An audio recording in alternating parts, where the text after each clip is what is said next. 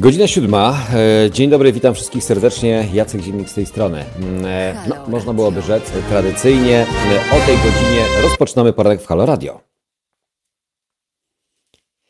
No właśnie, e, jak widać, jestem w zaciszu domowym, więc dziś tak zwane stay at home, czyli pozostajemy w domu, albo ja też pozostaję w domu, ale nadaję dla Was tu specjalnie z domowego zacisza, mojego małego studyjka, więc myślę, że ten dzisiejszy poranek wspólnie będziemy mm, w ten sposób do godziny 10 Mm, e, no, będziemy go, e, no, nazwijmy to razem, wspólnie e, słuchać i też komentować. A jest co komentować, bo wydarzeń w naszym kraju tradycyjnie nie brakuje. Mm, zajmiemy się mm, i wyborami, albo tym, co nazywa się przez rządzących wyborami prezydenckimi. Jedni uważają, że jest to farsa, inni uważają, że jest to dzień demokracji. No, teraz pytanie, kto co uważa, albo jak kto do tego wszystkiego podchodzi. Ja witam wszystkich tych, którzy już z samego rana przyłączyli się mm, do naszego poranka halo radiowego. Jest z nami Joasia. Cześć Joasiu, witam cię serdecznie. Jest też również Paweł. Pawle, witam. Witam wszystkich tych, którzy są na YouTubie, ale również tych, którzy są na naszym profilu e, facebookowym. Mm, fanpage e, Halo Radio. Mm, do 10. Dziś e, o godzinie 8.15 połączymy się mm, też, powiedziałbym tradycyjnie, z, nasz, z naszym korespondentem Zbigniewem Stefanikiem. 8.15, 9.15.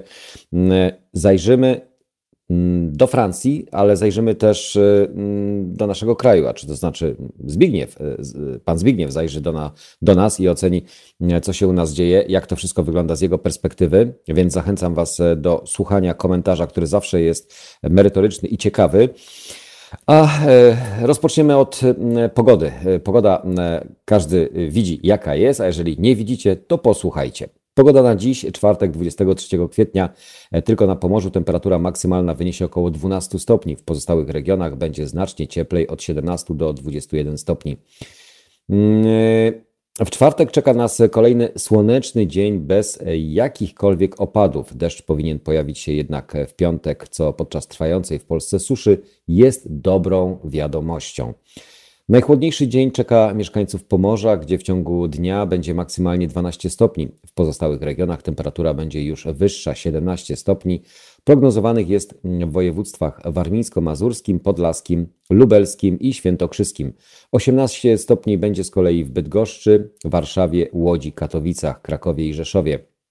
Jeden stopień więcej pokażą termometry w Szczecinie i Poznaniu. Najwyższa temperatura przewidywana jest w południowo-zachodniej Polsce. W Zielonej Górze będzie 20 stopni. No proszę. Powiem szczerze, że coraz przyjemniej się robi, przynajmniej dla tych, którzy mają możliwość jeszcze chodzenia po lesie, bo to wiemy, że przecież do lasu już wejść możemy, do parków, na bulwary, skwery też, ale mm, dopiero co nam lasy otworzyli, a lada moment się okaże, że te lasy mogą nam zamknąć, a to właśnie ze względu na suszę i mm, palące się mm, połacie lasu, no albo lasy. W Wrocławiu i Opolu nawet 21 stopni. Przez cały czwartek w całej Polsce prognozowane jest niemal bezchmurne niebo. W żadnym regionie nie będzie dziś padać. Wiatr na ogół słaby, jedynie na Pomorzu i wschodnich krańcach kraju. Możliwe są jego umiarkowane porywy. Lokalnie na wschodzie przewidywane są też przymrozki. W niektórych miejscach temperatura przy gruncie może spaść do, uwaga, minus jednego stopnia.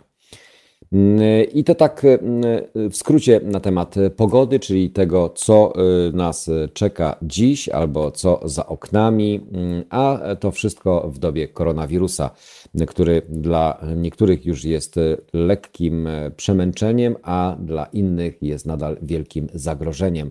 Ponad 10 tysięcy przypadków koronawirusa w Polsce. Myślę, że e, te liczby z jednej strony niedoszacowane, a z drugiej strony informujące nas e, o skali, jaka ma miejsce w naszym kraju, e, są pewnym zarazem i ostrzeżeniem, ale też formą tego, żebyśmy jednak zabezpieczali się, jednak czynili to, co nam rządzący każą. O czym między innymi dziś też będziemy rozmawiać, bo to wiadomo, wybory wyborami, głosowanie, które e, ma mieć miejsce 10 maja, bo na razie innego terminu nie ma. I nic nie wskazuje, albo przynajmniej nikt jeszcze nie zapowiada tego, że ten termin może zostać przesunięty, chociaż takie możliwości są, z tego względu, że pani marszałek Sejmu, pani Elżbieta Witek, ma taką możliwość, że w momencie, kiedy pojawi się ustawa, a ustawy jeszcze nie ma, ale za to nie ma ustawy, ale za to są już karty w druku.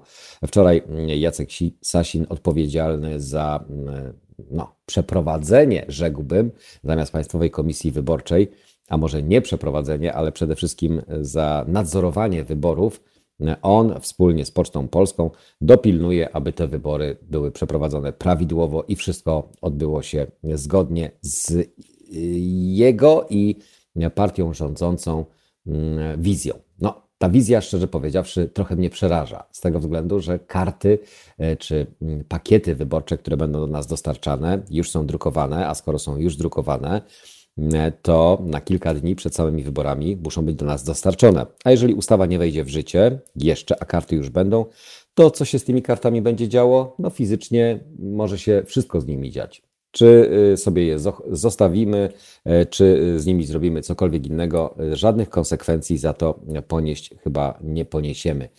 Przynajmniej nie ma żadnej takiej regulacji, która by o tym mówiła. Dzisiaj mm, jeden z polityków Platformy Obywatelskiej już na twicie napisał, że możemy wysyłać również karty w imieniu samego Jarosława Kaczyńskiego, czyli taki mm, multi, multi mm, głosowanie, gdzie wystarczy znać czyjś PESEL, E, i już e, przecież taką kartę można wysłać. No, trochę śmieszne to jest, straszne i śmieszne, ale przez to, że to jest straszne i śmieszne, przerażające jest to, że w państwie demokratycznym po 1989 roku dochodzi do tego typu e, sytuacji. Zastanawiamy się cały czas nad tym, albo przynajmniej może i też wy, wy się zastanawiacie. Ja zastanawiam się od już kilku dni, albo nawet i też dłuższego czasu, czy te wybory to dzień demokracji, czy Dzień Demokratury. Bo e, czy brać, czy nie brać, czy bojkotować, czy nie bojkotować. I z tym pytaniem będę mierzył się chyba do ostatniego dnia, kiedy będę musiał podjąć e, tą decyzję. Jeżeli jesteście w stanie mnie przekonać do tego, że mm, czy warto, czy nie warto, albo co powinniśmy zrobić, albo jak powinna zachować się opozycja, czekam również na Wasze e, propozycje. E, Jasia pisze, witam serdecznie, Paweł również witam, e, a Baca też witam, wszystkich witam, słoneczko dużo na e, Ursusie, to odnośnie pogody, dużo zdrowia dla solenizantów, zwłaszcza dla Wojtków. Pozdrawiamy wszystkich Wojtków, Joanna Dobro, Dobrowolska imieniny. No i bardzo dobrze, w takim razie wszyscy Wojtkowie, cieszcie się tym dzisiejszym dniem i świętujcie, jeżeli oczywiście macie możliwość. Jakub Kubik dociera e, hałas ulicy. Mm, nie wiem, czy dociera hałas ulicy, ale skąd? A, u ciebie w domu dociera hałas ulicy. E, tak głośno? Na ulicy może i jest głośno. W domu jest zdecydowanie ciszej, więc na pewno też e, ci, którzy słuchają nas za pomocą a to właśnie YouTube'a, a to za pomocą Facebooka, a to za pomocą e, aplikacji. Przypominam, że za pomocą aplikacji słyszycie nie tylko to, co mm, dzieje się u nas w studiu e, mm, podczas mówienia czy podczas mm, wywiadów, ale również słyszycie to, co jest grane, bo u nas jest tak, że więcej gadamy, a mniej gramy. No ale jeżeli już gramy, to żeby to słyszeć, to trzeba mieć uruchomioną aplikację. Aplikacja jest oczywiście do ściągnięcia, czy to za pomocą naszej strony, czy informacje wszystkie ogólnodostępne są na naszych profilach. I oczywiście również informuję o tym, że, znaczy dziękujemy my jako radio, ja również jako e, członek zespołu tego radia za e, wkład, który mm, przyczyniacie się, za wkład, który wnosicie w nasze radio, to znaczy każda cegiełka, która pozwala na to, że te radio dalej nam funkcjonuje i że wspólnie razem możemy mm, działać. Nasze działania, jakie są, takie są. Na razie e, staramy się Was informować rzetelnie i na bieżąco o wszystkich mm, wydarzeniach i nie tak, jak robią to media mainstreamowe czy media publiczne, ale tak, jak my to czujemy. A my czujemy, mm, mam nadzieję, że podobnie jak Wy, dlatego też jesteście z nami i za to Wam serdecznie dziękujemy.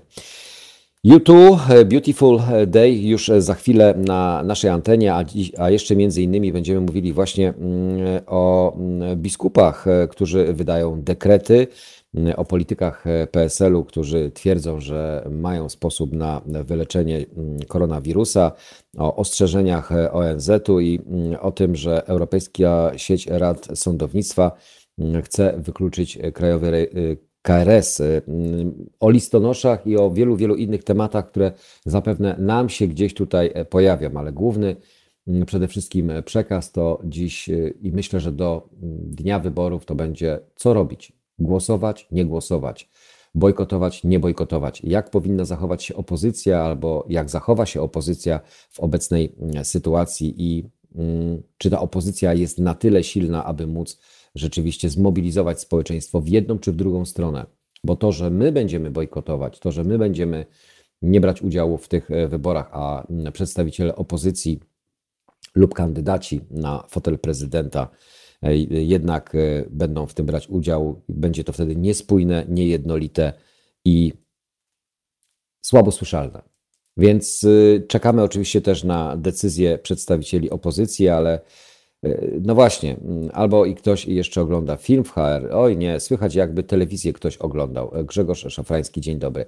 Mm, z nami jest Piotr, realizator, który odpowiedzialny jest za to, żeby dźwięk był słyszalny, więc Piotrze, jeżeli gdzieś tam jest telewizja uruchomiona, to prosimy o jej wyciszenie. A na razie, tak jak było wcześniej mm, wspomniane, YouTube i Beautiful Day, piękny dzień. Mam nadzieję, że taki dla każdego z nas będzie.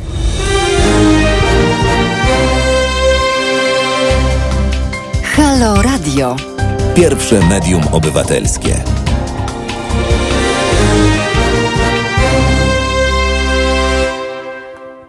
Pierwsze medium obywatelskie Halo Radio e, do godziny 10. E, wspólnie dziś e, z Wami Jacek Zimnik i mam nadzieję, że ten poranek jakoś nam fajnie minie. Pocztowy szturm do pourny przepisów jeszcze nie ma i to doskonale o tym wiemy, ale poczta prosi samorządy już o urny wyborcze.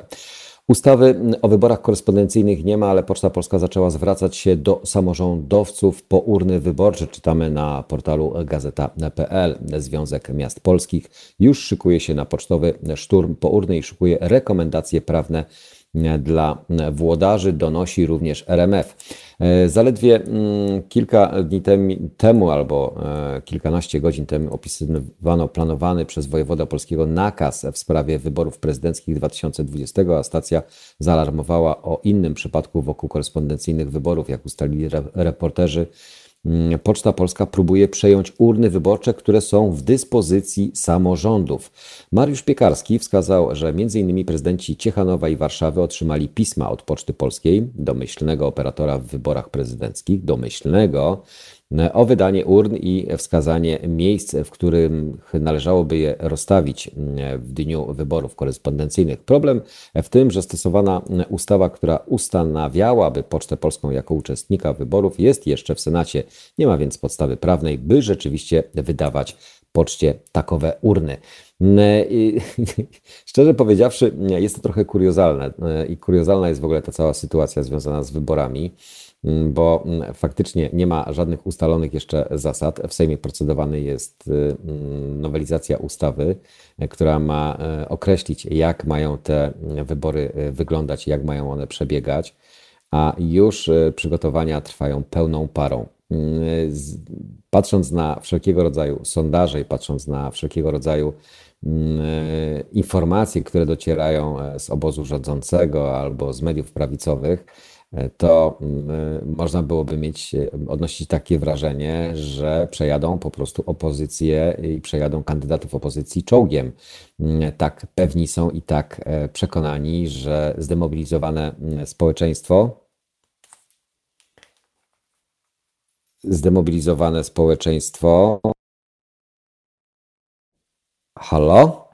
Czy mnie dobrze słychać? Bo teraz e, miałem wrażenie, o właśnie, bo miałem wrażenie, że przez chwileczkę nas rozłączyło, ale nie wiem, co było tego powodem, więc e, kontynuując odnośnie demobilizacji i e, poczucia tego, że media prawicowe i ekipa rządząca mm, e, mm, jest, żyje w przeświadczeniu, że, że właśnie, że to, co myślą nie tyle co kandydaci, ale to, co myśli społeczeństwo, może zostać bardzo fajnie wykorzystane przez mm, właśnie zwolenników obecnego prezydenta, bo czytając, słuchając Waszych również komentarzy, można odnieść wrażenie, że wszyscy mamy podobne zdanie co do formy przeprowadzenia tych wyborów, ale pytanie, czy nie biorąc lub bojkotując te wybory, to tylko i wyłącznie przyczynimy się do tego, że w sposób dość luźny, bezprecedensowy oczywiście, ale dość swobodny, mm, obecny kandydat y, wygra w pierwszej turze, no to teraz y, zadajmy sobie proste pytanie, czy jeżeli mm, nie będziemy brali udziału w tych wyborach, czy będziemy mieli poczucie tego, że ktoś w końcu później po tych wyborach mm, wymierzy sprawiedliwość tym niedemokratycznym wyborom, nie liczyłbym na to, e, patrząc na e, sytuację i patrząc na wielokrotne działania środowisk międzynarodowych czy opinii e, poszczególnych krajów, czy to Unii, Europejskich, Unii Europejskiej, czy krajów bardzo ważnych, istotnych jako partnerów dla naszego kraju, którzy mogą sugerować albo którzy mogą ewentualnie apelować o to, aby te wybory odbyły się e, w sposób e, normalny, w normalnie funkcjonującym kraju, to czy rządzący wezmą to pod uwagę? Nie, absolutnie nie wezmą tego pod uwagę. Wykorzystają tylko i wyłącznie chaos, wykorzystają tylko i wyłącznie bałagan, który teraz obecnie funkcjonuje, po to, żeby utrzymać swoją władzę utrzymać władzę i możliwości dalej zmieniania tego według swojego własnego modelu.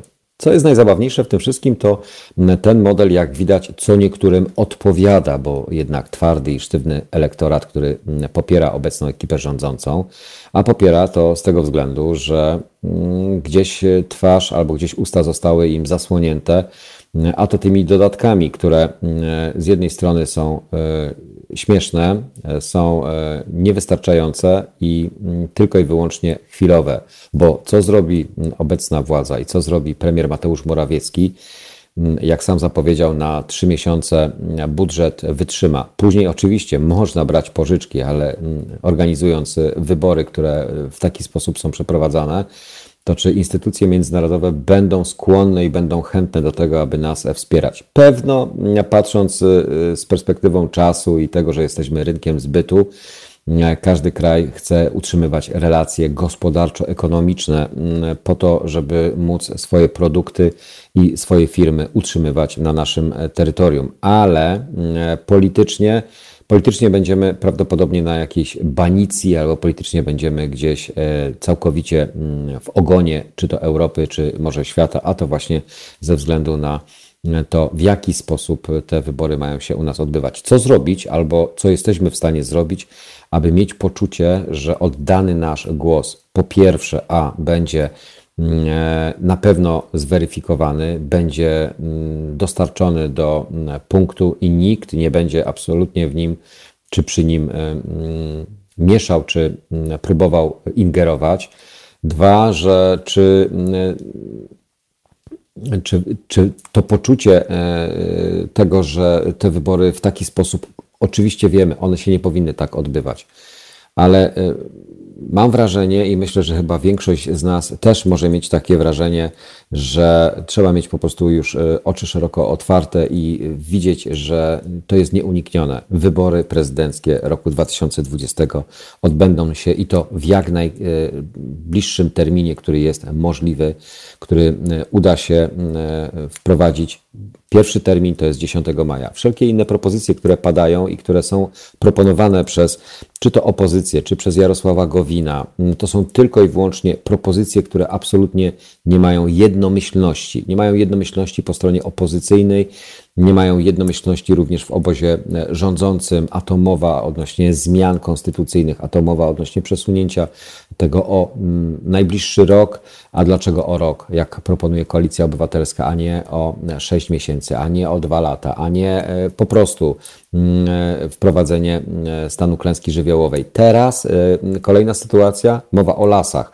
Lasy, które płoną, susza przed nami, która też może być dla nas bardzo dotkliwa, nie tylko dla nas, ale przede wszystkim dla rolników. A jeżeli dla rolników, to też dla nas. Dla nas może się okazać, że produkty znów spożywcze wytwarzane przez rolników mogą galopować i ceny pewno będą galopować, które też w naszym portfelu się odbiją szerokim echem i nasz portfel będzie zdecydowanie chudszy, chociaż i tak już teraz jest zdecydowanie chudszy i, i wszelkiego rodzaju tarcze antykryzysowe, które jak to e, i premier Mateusz Morawiecki, jak i również przedstawiciele poszczególnych resortów mówią, działa, funkcjonuje, ale słuchając przedsiębiorców, słuchając tych wszystkich, którzy, których dotyka epidemia, można byłoby rzec, nie działa tak, jak powinien. Nie działa tak, jak w innych krajach e, i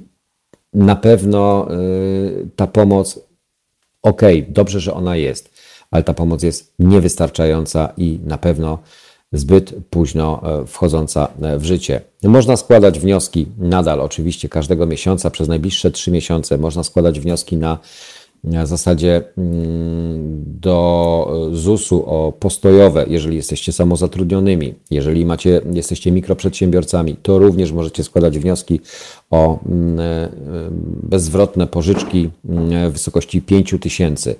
Ale czy to jest w stanie utrzymać miejsca pracy wasze, miejsca pracy, które wy gwarantujecie innym i czy pozwoli wam w ogóle utrzymać się przez ten trudny dla nas bardzo e, okres, który no niestety już jest, a zbliża się jeszcze trudniejszy w ciągu najbliższych tygodni. E, jak minister Szumowski, minister zdrowia e, mówi, cały czas jesteśmy przed falą szczytową epidemii koronawirusa, to ja powiem szczerze, nie jest to wcale ani, ani zabawne, ani to nie jest już no jest to przerażające. Jest to przerażające, mm, bo i służby zdrowia, i lekarze są już na oparach. Zaopatrzenie w maski, ok, w porządku. Jak to sam prezydent mówi, będziemy potentatami na przede wszystkim na potentatami w produkcji masek. Mm, okazuje się, że e, czy są szanse w ogóle na szczepionki, bo jedynym rozwiązaniem, jedyną alternatywą dla tego, znaczy do tego, żeby to wszystko jakoś mm, uporządkować, to oczywiście jest szczepionka. Czy są szanse na szczepionkę? WHO mówi krótko. Korona, koronawirus zostanie z nami długi, długi czas. Czy to oznacza, że mm, na razie mamy marne szanse na wynalezienie skutecznej szczepionki? W wielu krajach to dopiero wstępny etap epidemii, twierdzi Światowa Organizacja Zdrowia i zaznacza, długo nie pozbędziemy się koronawirusa. Szef Światowej Organizacji Zdrowia oświadczył, mm, że wiele krajów wczoraj w Afryce i Ameryce Łacińskiej jest dopiero na wstępie epidemii, na wstępnym etapie. Nie łudźmy się, czeka nas długa droga. Wirus pozostanie z nami na długi czas. Większość krajów jest na wczesnym etapie epidemii, a te spośród nich, w których zaczęła się ona wcześniej, obserwują ponowny wzrost mm, e, przypadków Dyrektor e, Światowej Organizacji Zdrowia do spraw sytuacji nadzwyczajnych ostrzegł przed przedwczesnym e, znoszeniem ograniczeń dotyczących podróży, co może spowodować dalszy rozwój epidemii. Zaapelował o ostrożne zarządzanie ryzykiem. Szef WHO odniósł się też do oskarżeń mm, amerykańskich o niewłaściwe postępowanie jego organizacji na początku epidemii koronawirusa. Ogłosiliśmy stan międzynarodowego zagrożenia we właściwym momencie i reszta świata miała wystarczająco dużo czasu na, na reakcję. Były tylko 82 przypadki zakażeń poza Chinami.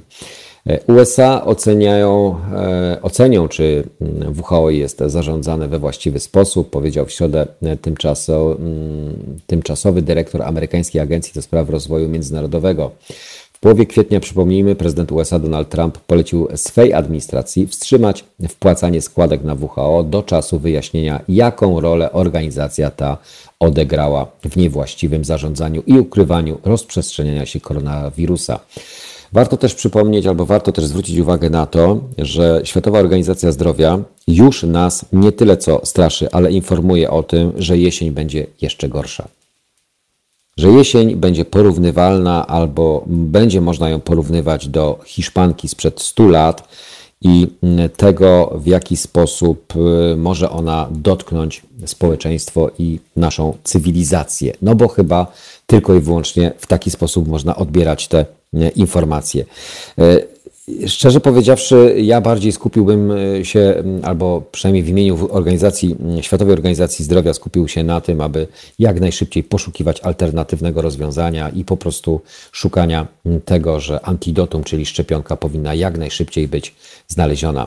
Oczywiście jedni atakują Światową Organizację Zdrowia, inni ją krytykują, ale w, ob w obronie samej WHO wypowiedzieli się m.in. kanclerz Niemiec Angela Merkel, prezydent Francji Emmanuel Macron i premier Kanady Justin Trudeau. Spór o ocenę tej organizacji był prawdopodobnie powodem, dla którego po niedawnej wideokonferencji przywódców państw G7 nie wydano wspólnego oświadczenia, a komunikat Białego Domu nie pokrywał się z oświadczeniami Pałacu Elizejskiego czy rzeczniczka, czy rzecznika e, Merkel. Stany Zjednoczone są największym płatnikiem, jeśli chodzi o finansowanie Światowej Organizacji Zdrowia przez poszczególne kraje. W tym roku USA mają przekazać na Światową Organizację Zdrowia blisko 116 milionów dolarów. My mm, pozostajemy w temacie i mm, oczywiście mm, koronawirusa, ale również wyborów, wyborów e, prezydenckich 2020, które będą odbywać się w cieniu koronawirusa. Tilt, nie wierzę politykom, to y, oczywiście adekwatne do tego, o czym cały czas mówimy. Słuchamy Tiltu na antenie Halo Radio.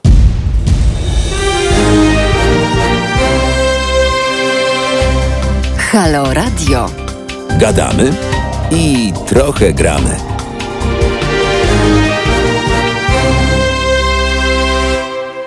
No i wracam do Was, e, wracam do e, halo radiowego e, studia za pomocą oczywiście aplikacji i możliwości tego, żebyśmy mogli również nadawać z domów i łączyć się z naszymi gośćmi, którzy też są poza naszym studiem, a to dzięki właśnie Waszemu wsparciu. Ostatnia akcja, która pozwoliła nam właśnie na uzbieranie kolejnego, uzbieranie na kolejne urządzenie, które pozwala właśnie w ten sposób się komunikować. E, czy wszystko z dźwiękiem jest ok? E, komunikat, który ja zgłaszam, albo przynajmniej mm, staram się czytać Wasze wpisy, bo widzę, że na YouTubie problem chyba nadal się gdzieś tam pojawia, ale no, musicie być wyrozumiali, a Piotr robi wszystko. Piotr się kręci cały czas po studiu i próbuje, kombinuje, jak to zrobić, żeby z tym dźwiękiem na YouTubie było wszystko ok.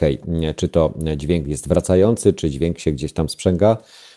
Jest ok. O, Joasia napisała, że jest ok. Cieszę się bardzo. Joasiu, pozdrawiam Cię serdecznie. Jak widać, z drobnym opóźnieniem, e, jest to 6-sekundowe opóźnienie, czyli mój sygnał dociera do studia e, z opóźnieniem 6 sekund, bo później to widzę, że po 6 sekundach jest reakcja. Więc skoro jest w porządku, no to działamy. Działamy oczywiście i, e, i nie jest ok, a nie jest ok, a no to jest, skoro jest, nie jest ok, to Piotr musisz coś zacząć działać i kombinować na YouTubie. Za pomocą aplikacji słychać mnie chyba dobrze, czy na Facebooku też mnie słychać dobrze. Też pytanie będzie padało z mojej strony. Dajcie łapkę w górę lub powiedzcie, czy jest ok, czy nie. No nie, no właśnie, nie jest ok na YouTubie. Dobra, to będziemy walczyć. Mamy trochę czasu na to, aby to jakoś wszystko uskutecznić.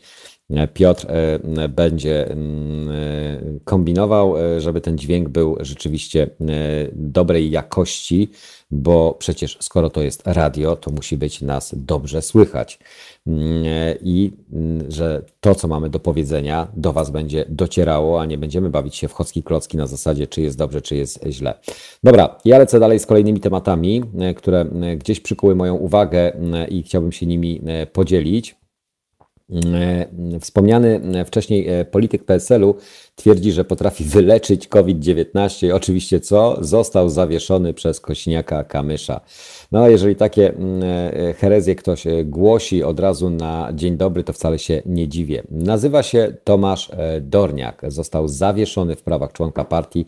Taką decyzję podjął lider PSL-u Władysław Kośniak-Kamysz po tym, jak polityk publicznie oznajmił, że potrafi wyleczyć zakażenie zakażenia koronawirusem w 5 minut.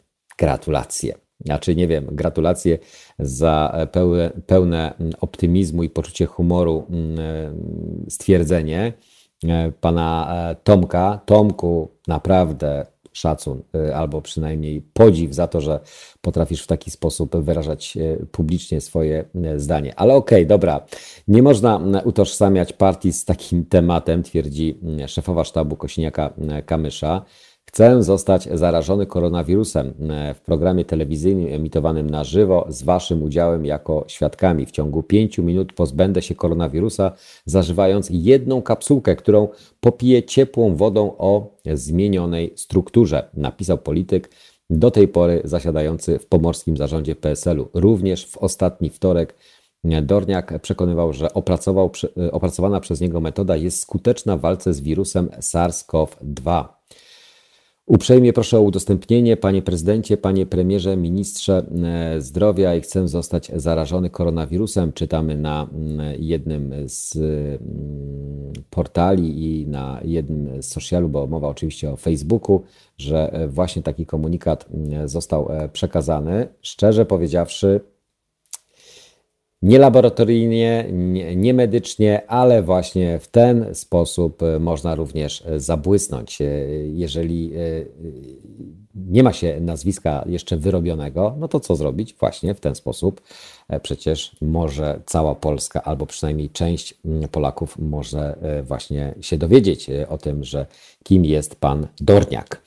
E, mnie nie można w tej chwili e, zdołować. Najważniejsze jest dla mnie zdrowie i walka o to, by wprowadzono do szpitali wszystkie skuteczne metody, powiedział w jednym z wywiadów właśnie mm, Tomasz Dorniak dodał, że polityka i zdrowie to dwie różne rzeczy, a temat, a temat zdrowia milionów Polaków jest dla niego e, najważniejszy.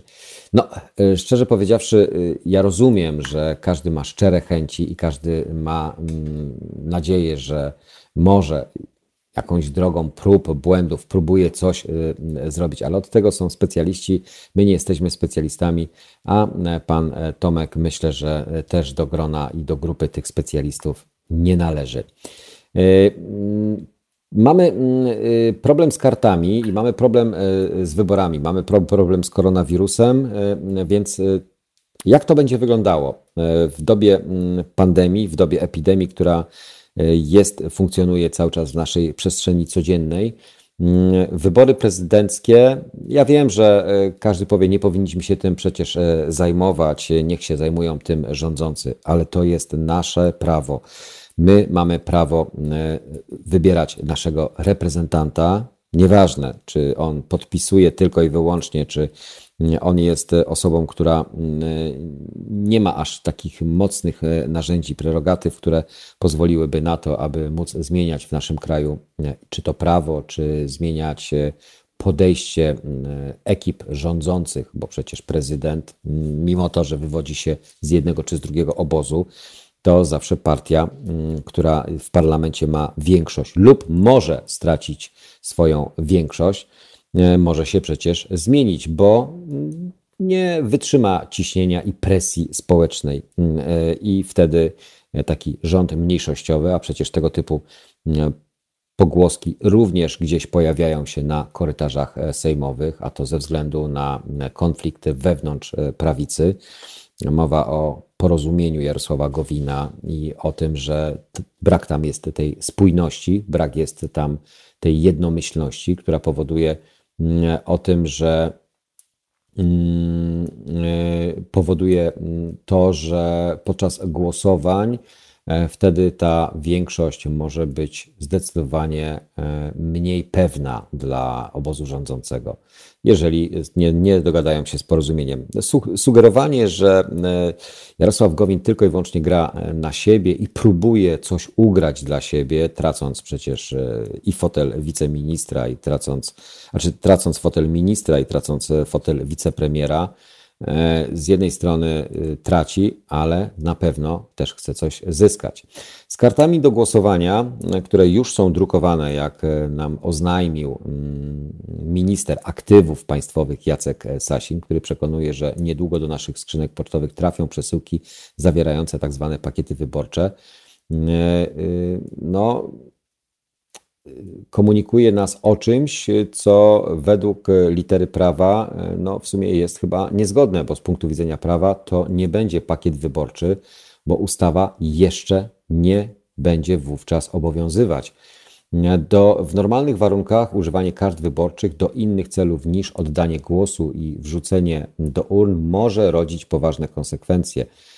Prawo i Sprawiedliwość wiele lat temu sprzeciwiało się głosowaniu korespondencyjnemu, przekonując, że to prosta droga do wyborczych fałszerstw. Teraz, teraz jest to jedyny sposób jedyna e, propozycja ze strony obozu rządzącego, aby właśnie te wybory odbyły się w taki, a nie inny sposób. Wczorajsza poranna wypowiedź ministra e, zelektryzowała medialną i polityczną Polskę. Na antenie TVN-u wicepremier, który zgodnie z planami PiSu ma organizować wybory, przyznał, że produkcja kart do głosowania już trwa. Druk kart został podjęty. Nie ma jeszcze ustawy która przewiduje wybór głowy państwa za pośrednictwem Poczty Polskiej, no bo przecież, bo ta jest e, w Senacie. E, wyjdzie z niego, jak się nie mylę, około 6 lub 7 maja, czyli trzy dni przed planowaną datą głosowania. A jeśli nie ma ustawy, to też przecież nie ma przepisów, które pozwalają na drukowanie pakietów wyborczych, ani nawet na stworzenie wzoru kart do głosowania. Wprawdzie Jacek Sasin stwierdził, że wzór określiła już w lutym Państwowa Komisja Wyborcza, tyle że zrobiła to na podstawie przepisów, które Sejm głosami PiSu już dawno wyrzucił do kosza. Nie przeszkadza to jednak wicepremierowi przekonywać, że przesyłki wyborcze trafią do skrzynek pocztowych 7 dni przed wyborami, choć prawie na pewno ustawa o wyborach listownych zacznie dopiero obowiązywać kilka dni później. Pytał e, e, o to między innymi właśnie jeden z prowadzących TVN24 Konrad e, Piasecki. Chciał wiedzieć, co się stanie, jeśli pakiety wyborcze zostaną rozesłane, a Sejm nie zdoła jednak odrzucić ewentualnego E, sprzeciwu Senatu wobec ustawy o głosowaniu korespondencyjnym. Jeśli, tutaj Sasin cytat, jeśli nie będzie wyborów, nie będzie też głosowania i te pakiety są też, e, też, nie, e, też się nie przydadzą i nie będą żadnymi oficjalnymi wówczas dokumentami. W ten sposób minister aktywów państwowych pośrednio oznajmił, że od momentu dostarczenia kart do głosowania do wejścia w życie ustawy z pakietami wyborczymi będzie można przecież zrobić z tymi kartami e, no, no prawie wszystko, tak? Nie narażając się na żadne konsekwencje. No bo jakie konsekwencje, skoro ustawowo one nie są w żaden sposób ure, w, e, uregulowane. Więc y, sytuacja y, o tyle będzie śmieszna, chociaż y, ja mam wrażenie, że mm, Karty y, nie powinny absolutnie znaleźć się w naszych skrzynkach pocztowych, zanim nie będzie obowiązywała ustawa. Więc pani Elżbieta Witek, my nie podpowiadamy. Ja nie podpowiadam i też myślę, że inni też nie powinni absolutnie podpowiadać, aczkolwiek to jest chyba jedyne rozwiązanie. Wybory z 10 maja muszą zostać przesunięte o, na kolejne inne terminy, też pewno majowe ale do tego momentu, dopóki ustawa nie będzie obowiązywała, a wtedy obowiązywać, a wtedy dopiero będzie można te karty dostarczać do obywateli. E, niestety, ale jeżeli chcemy brać, bo nie wiem jak wy, jeżeli chcecie, e, chcemy brać udział w tych wyborach, to sami będziemy musieli zadbać o to, aby też e, zgłaszać swoje zmiany adresowe, czyli to, gdzie obecnie przebywamy.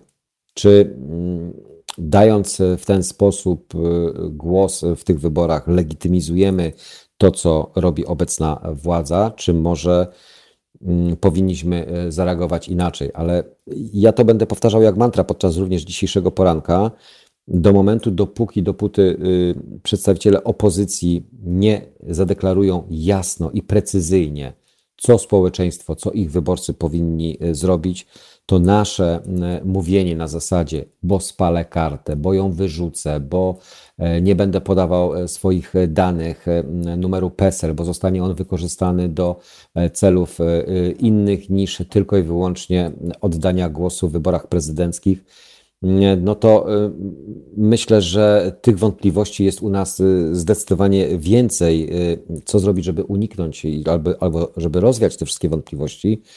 E, z punktu widzenia prawa e, to nie będzie pakiet wyborczy.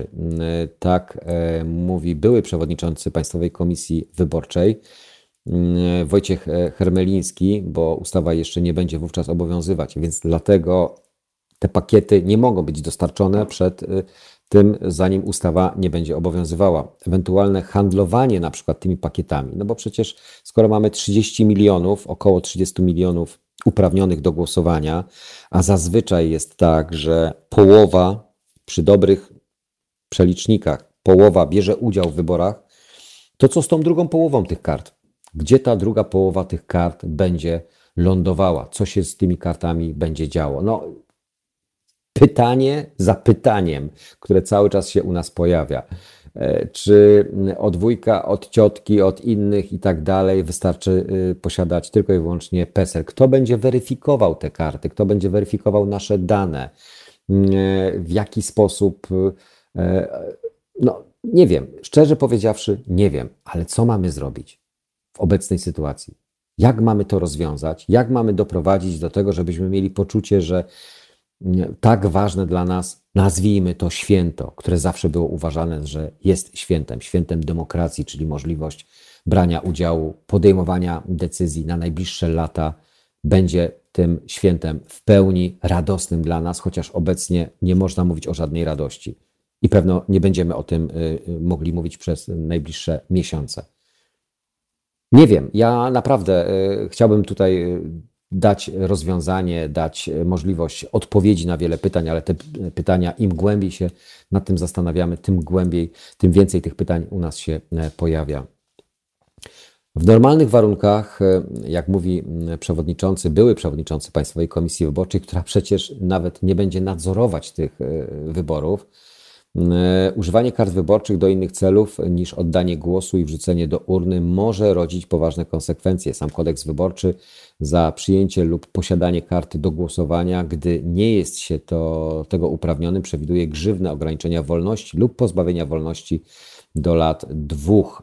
Jeszcze bardziej surowy jest kodeks karny. W artykule 248 czytamy, że kto odstępuje innej osobie przed zakończeniem głosowania niewykorzystaną kartę do głosowania lub pozyskuje od innych osoby w celu wykorzystania w głosowaniu niewykorzystaną kartę do głosowania, może trafić za kratki nawet na 3 lata. Tylko pamiętajmy, musi być najpierw ustawa obowiązująca. Z kolei ustawa autorstwa PiS o szczególnych zasadach przeprowadzenia wyborów prezydenckich w artykule 18 jasno stwierdza, że kto kradnie kartę do głosowania lub oświadczenia wykluczenie z pakietu wyborczego podlega karze pozbawienia wolności do lat trzech. Jednak do momentu podpisania ustawy przez prezydenta nikt, kto miałby złe zamiary wobec umieszczonych w skrzynkach przesyłkach od ministra Sasina, nie musi się niczego obawiać. Do momentu, dopóki, dopóty prezydent nie podpisze i w dzienniku ustaw ta e, ustawa się nie pokaże. Prawo i Sprawiedliwość zaprzecza własnemu prezentowanemu przez wiele lat stanowisku, że wybory korespondencyjne to prosta droga do fałszowania wyborów. W trakcie sejmowej debaty na, temat, mm, na ten temat w roku 2013 mm, tak e, mówił e, ówczesny poseł tej partii Grzegorz Schreiber. Nie będziemy wspierali dalszego łamania zasad konstytucyjnych. Nie będziemy popierali prawa dopuszczającego manipulacje wyborcze, kopiowanie, fałszowanie, dosypywanie głosów do urn, niszczenie pakietów wyborczych to fakty, które występują wszędzie tam, gdzie mamy do czynienia z głosowaniem korespondencyjnym. Dowodził wówczas, czyli w 2013 roku. To e, będą jakieś druki, które obywatele znajdą w skrzynkach, ale nie będą one musiały mm, być traktowane jako pakiet wyborczy w rozumieniu prawa. Słyszymy dziś od mm, byłego przewodniczącego Państwowej Komisji Wyborczej druki, a może wręcz ulotki pocztowcy z Wolnego Związku Zawodowego Poczty Polskiej w liście do marszałka Senatu chcą wiedzieć, jak mają traktować przesyłki, które rząd poleci im dostarczyć, poleci dostarczyć 30 milionom obywateli, wyborców. Czy pakiety wyborcze będą przesyłkami listowymi, czy w rozumieniu przepisów pocztowych drukami bezadresowymi? Ta druga e, ulotkowa opcja nie jest wykluczona, nie jest e, pewne, czy przed drukiem e, kopert Poczta Polska otrzyma od gmin adresy ze spisu wyborców. Ustawa, która jeszcze nie obowiązuje, nakłada na samorządy taki obowiązek. Jednak, jak mm, już mówiło się wielokrotnie, przepisy jeszcze po prostu nie działają. Okazuje się, że mm, to też nie stanowi przeszkody dla rządzących. Przewodniczący Platformy Obywatelskiej mm, opublikował na Twitterze, pismo wojewody opolskiego adresowane do wójtów, burmistrzów, prezydentów miast, mm, w którym czytamy, że w najbliższych godzinach otrzymają Państwo ePUAP-em polecenie wojewody opolskiego w przedmiocie przekazania spisów wyborców w Poczcie Polskiej SA do czwartku. Na jakiej podstawie, pytam się. Na podstawie czego? Tego, że ustawa jest procedowana i że na pewno ona zostanie e, przeforsowana i e, przegłosowana w danym, a nie innym terminie, więc wszelkiego rodzaju rozporządzenia, decyzje odgórne są obecnie nieprawomocne i są nieprawne, bezprawne. E, no bo no jak można coś robić, nie mając do tego żadnych podstaw prawnych. Adrian e, Czubak e, pisze w nim, w tym piśmie, że w najbliższych godzinach otrzymają Państwo ePUAP-em polecenie wojewody opolskiego. Mówimy o tym piśmie w przedmiocie przekazania spisów wyborców do czwartku 23 kwietnia do godziny 15 celem przeprowadzenia wyborów korespondencyjnych. Nie mają żadnych hamulców, bez podstawy prawnej urzędnicy PiSu próbują nakazać samorządom bezprawne działanie i udostępnianie spisów wyborców w Poczcie Polskiej. Choć ustawa nie została uchwalona, takie działania to przestępstwo urzędnicze, za które winni poniosą odpowiedzialność. Chciałbym zobaczyć e, tą odpowiedzialność i chciałbym zobaczyć e, te konsekwencje. Jak na razie w naszym państwie e, nikt nie ponosi konsekwencji. Jedyne konsekwencje ponoszą tylko i wyłącznie wyborcy, którzy biernie cały czas przyglądają się temu, co politycy robią, raz, robią z nami. Take That na antenie e, Halo Radio. Powoli zbliża się godzina 8. O 8.15 łączymy się z naszym korespondentem Zbigniewem Stefanikiem. Mam nadzieję, że z dźwiękiem jest już nieco lepiej. Jeżeli tak, dajcie informację. Jeżeli nie, będziemy dalej walczyć, jak walczą wszyscy w Polsce. Take That.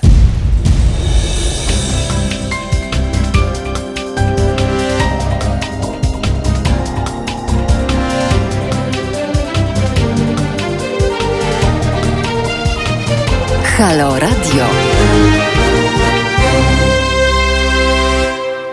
Halo, halo, halo, halo radio. E, e, nadaję z domu. Jak to fajnie, e, gdy słucha się radia, nie wychodząc z domu i wy jesteście właśnie chyba w tej dobrej sytuacji, chociaż nie wszyscy, bo co niektórzy oczywiście pracują normalnie. Gospodarka mimo wszystko, mimo wszelkich trudności musi funkcjonować, a to wszystko w dobie koronawirusa, w dobie epidemii i w dobie wyborów prezydenckich, które się zdobywa, które no, przed nami lada moment. I to jest y, cały problem, który też nas y, po części dotyczy, a mowa o pracujących. No to kto będzie pracował przy tych wyborach?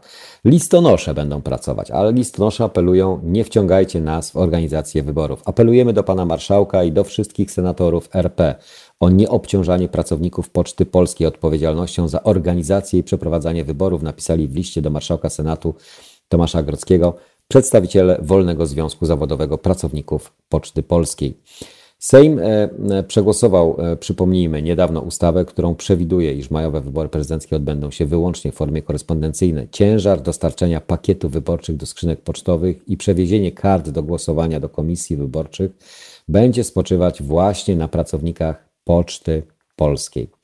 Ma być tak, na tydzień przed wyborami, to już mówiliśmy o tym, listonosze zaczną wrzucać do naszych skrzynek pakiety wyborcze. Pamiętajcie, ustawa jeszcze nie mm, będzie obowiązywać. W pakiecie będzie karta do głosowania, koperta zwrotna, instrukcja i oświadczenie o osobistym i tajnym oddaniu głosu. W dniu wyborów swój głos włożymy do koperty wraz z oświadczeniem. Będziemy mogli wrzucić do specjalnej skrzynki na terenie gminy, o, którą, o które skrzynki już apelują e, e, apeluje poczta, no bo przecież musi wiedzieć e, chaos, bałagan przeogromny. Mm, I no właśnie, do specjalnych skrzynek na terenie gminy, w której mieszkamy. Poczta ma je opróżniać, tak by najpóźniej 3 godziny po zakończeniu głosowania karty trafiły do gminnej komisji wyborczej, a komisja policzy głosy i ustali wyniki na swoim terenie. Ustawa czeka teraz na decyzję Senatu. Do szefa Izby Wyższej Parlamentu trafił właśnie list podpisany przez Kierownictwo Wolnego Związku Zawodowego Poczty Polskiej, opinia pocztowców jest niezwykle krytyczna wobec planów Prawa i Sprawiedliwości. O ile wydawać by się mogło, że bezpośrednie narażenie zdrowia listonoszy w przypadku planowanego doręczenia pakietów wyborczych do skrzynek oddawanych klientów zostało znacznie, choć nie całkowicie wyeliminowane, to przecież pozostaje kwestia doręczenia ich do osób chorych i poddanych kwarantannie, co stwarza ogromne niebezpieczeństwo transmisji wirusa, czytamy w liście. Autorzy pisma zwracają uwagę na to, że pracownicy poczty będą e, wykonywali w zasadzie dużą część zadań komisji wyborczych bez żadnego przeszkolenia oraz bez formalnych uprawnień. Wszystkie skargi klientów, uzasadnione czy też nie, związane z, jakimkolwiek, z jakimikolwiek nieprawidłowościami, kierowane będą pod adresem tych, którzy te pakiety będą doręczać, czyli pracowników poczty. Zatem za ewentualne niepowodzenia całego procesu wyborczego obarczeni zostaną pracownicy Poczty Polskiej, alarmują związkowcy. W liście e, zawarto też szereg pytań. E, oto e, jedno z nich. Co w przypadku, gdy przez nieuwagę listonosza lub innego pracownika dostarczającego pakiet wyborczy dojdzie do zwykłej pomyłki, zamiast dostarczyć przesyłkę do skrzynki numer 9, doręczy ją do skrzynki numer 8. Konstrukcja skrzynek e, oddawanych klientów jest taka, że tylko adresat ma dostęp do jej zawartości. Przedstawiciele Pocztowego Związku przypominają, że ustawa, która mm, weszła, e, wyszła z Sejmu, przewiduje, iż e, na czas obsługi wyborów Poczta Polska przestanie realizować jakiekolwiek inne usługi, a to może rodzić określone konsekwencje. Czy y, będzie dodatkowa jakaś pensja czy wynagrodzenie? Wątpię. Dlatego w piśmie pada kolejne pytanie. Co będzie w przypadku, gdy klient będzie chciał odebrać wcześniej awizowaną do niego przesyłkę, której termin odbioru będzie upływał w dniach doręczenia pakietów wyborczych, a urząd pocztowy będzie nieczynny? To samo dotyczy m.in. przesyłek w postępowaniach przetargowych, w których liczy się data stempla pocztowego lub dostarczenia przesyłki. List kończy się apelem do marszałka Senatu o nieobciążanie pocztowców organizacją wyboru głowy państwa, zwłaszcza w okresie epidemii. Niezrozumiałym jest dla nas wciąganie za wszelką cenę w czasie epidemii w mechanizm procesu wyborczego dziesiątek tysięcy pracowników Poczty Polskiej SA i narażanie całego społeczeństwa na dodatkowe zagrożenie, a jednocześnie marnowanie ogromnych ilości środków ochrony osobistej na dodatkowe zabezpieczenie pracowników Poczty Polskiej. Można by je przeznaczyć tam, gdzie są one najbardziej potrzebne, czyli dla pracowników służby zdrowia. Mm, w najbliższych dniach, prawdopodobnie w poniedziałek, odbędą się konsultacje z ekspertami prawa wyborczego, epidemiologami w sprawie wyborów prezydenckich. Chcemy też y, wysłuchać pocztowców, którzy mają pracować przy wyborach, a, a zgłaszają mnóstwo pytań poinformował wczoraj marszałek Senatu Tomasz Grocki. Jesteśmy zdumieni, że władze już drukują mm, koperty wyborcze, jakieś pakiety wyborcze, kiedy ustawa w sprawie głosowania korespondencyjnego jest jeszcze w Senacie. To jest działanie najoględniej mówiąc bezprawne. Jak e, dodał marszałek, wykonując starannie pracę e, legislacyjną, doszliśmy do wniosku, że trzeba zapytać tych, którzy będą te wybory realizować. Jeżeli nie, poz nie postawimy tamy i zapory przed tymi dziwacznymi wyborami, mianowicie chcemy zapytać pocztowców, mm, chcemy zapytać pocztowców. Wicemarszałek, e, wicemarszałek Senatu Michał Kamiński, reprezentant PSL-u, przypomniał, że to Senat był pierwszą polską instytucją konstytucyjną, która zajęła się koronawirusem. To, że dzisiaj Senat zajmować się musi sprawami związanymi z poważnymi wątpliwościami prawnymi, zdrowotnymi i konstytucyjnymi dotyczącymi majowych wyborów na prezydenta, związane jest tylko i wyłącznie z, mówiąc najdelikatniej, bezrozumnym uporem Jarosława Kaczyńskiego, by wybory w maju wbrew logice i przyzwoitości po prostu przeprowadzić. Tak chce Jarosław, a jak Jarosław chce, to tak też ma być. A my wszyscy musimy się temu podporządkować, chcąc, nie chcąc. No właśnie, chcąc czy nie chcąc.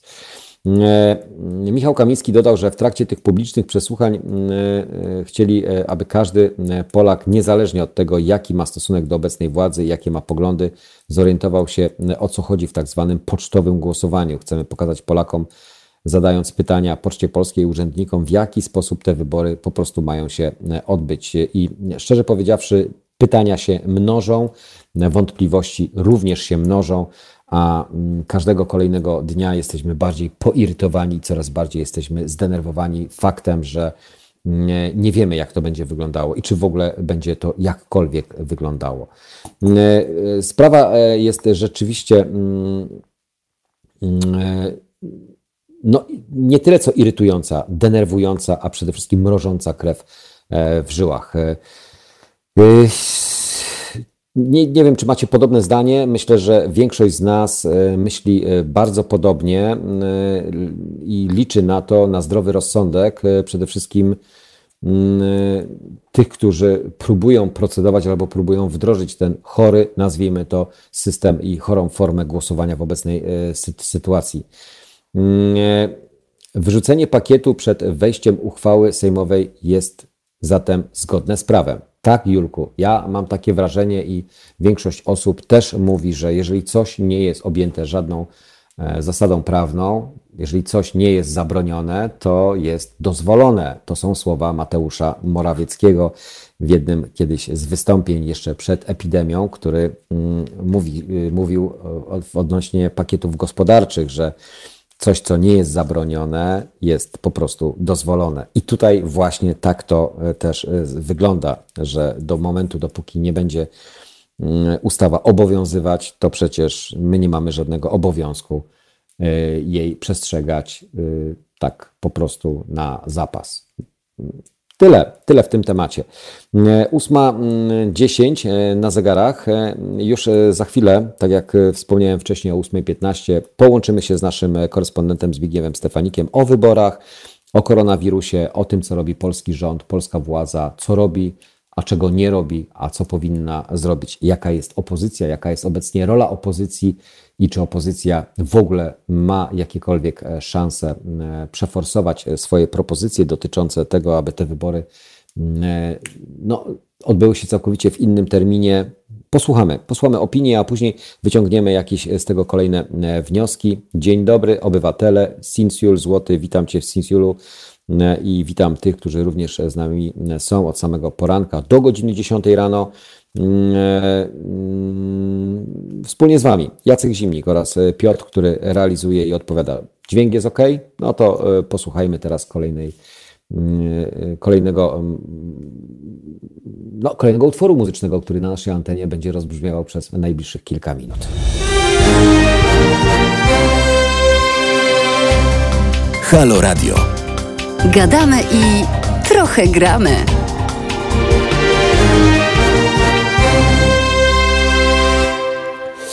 8.18 na e, zegarach e, w kraju, e, poza granicami, w zależności od strefy czasowej wygląda to nieco inaczej, ale we Francji, w Strasburgu myślę, że czas płynie podobnie. Mowa o czasie, który dotyka obywateli francuskich, ale zarazem też spraw politycznych.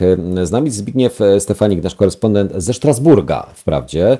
Witamy bardzo Panie Zbigniewie. Panie Zbigniewie, 10 maja w godzinach między 7 a 21 odbędzie się głosowanie na e, fotel prezydenta w naszym kraju.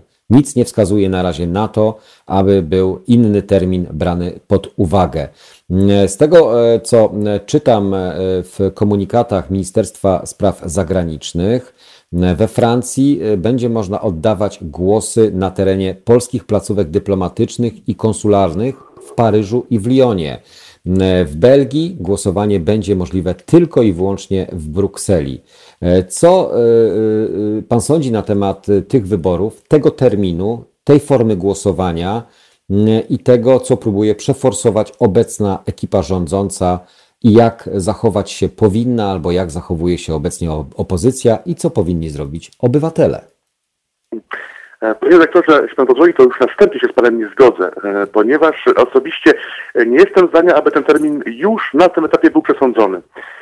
Albowiem dzieje się coś, czemu zdaje się nie poświęcamy jako komentatorzy, dziennikarze dostatecznej wagi, a myślę tutaj o pewnych działaniach politycznych, które no właśnie są podejmowane na linii Jarosław Gowin, Władysław Kośniak-Kamysz, być może prezydent Andrzej Duda, ponieważ faktycznie zdaje się, iż wczoraj prezydenta odwiedził Jarosław Gowin. Tak więc zdaje się, iż Jarosław Gowin, były wicepremier, warto to podkreślić, były wicepremier, tak.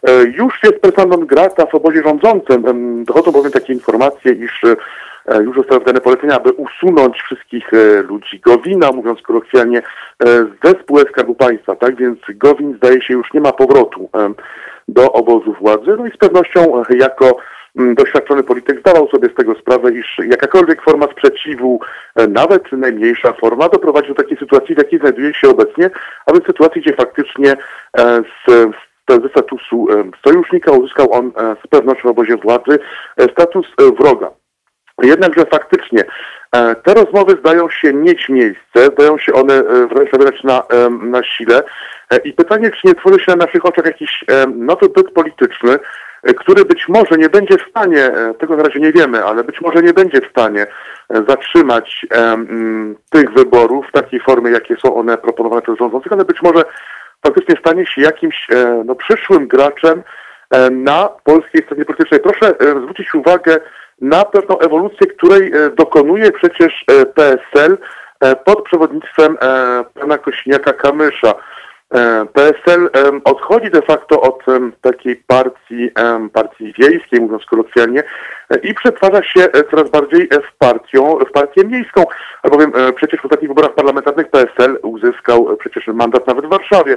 Mhm. Tak więc pytanie właśnie, czy na naszych oczach nie tworzy się jakaś no nie wiem, centroprawica, jakaś partia centrum, e, która byłaby zbudowana e, na podstawie, no właśnie PSL-u e, pana Kamysza, być może środowiska pana Gowina i tutaj być może wręcz środowiska, środowiska Platformy Obywatelskiej, być może faktycznie to skrzydło konserwatywnej Platformy mogłoby dołączyć do tej konstrukcji. Oczywiście nie wiadomo na czym te rozmowy się skończą, nie wiadomo jak ten plan zostanie skierowane. Także zdaje się, że faktycznie te rozmowy trwają i ja na tym etapie przyglądałbym się bardzo intensywnie e, temu, co się dzieje, bo być może faktycznie nawet sam prezydent może być zainteresowany jakąś tą formułą. Warto mieć na uwadze, że prezydent e, zdaje się szukał właśnie e, jakieś alternatywy w okresie, kiedy trwała w Polsce walka o Sąd Najwyższy i kiedy wówczas zawetował jedną z ustaw, to był, o ja nie myli mnie pamięć, lipiec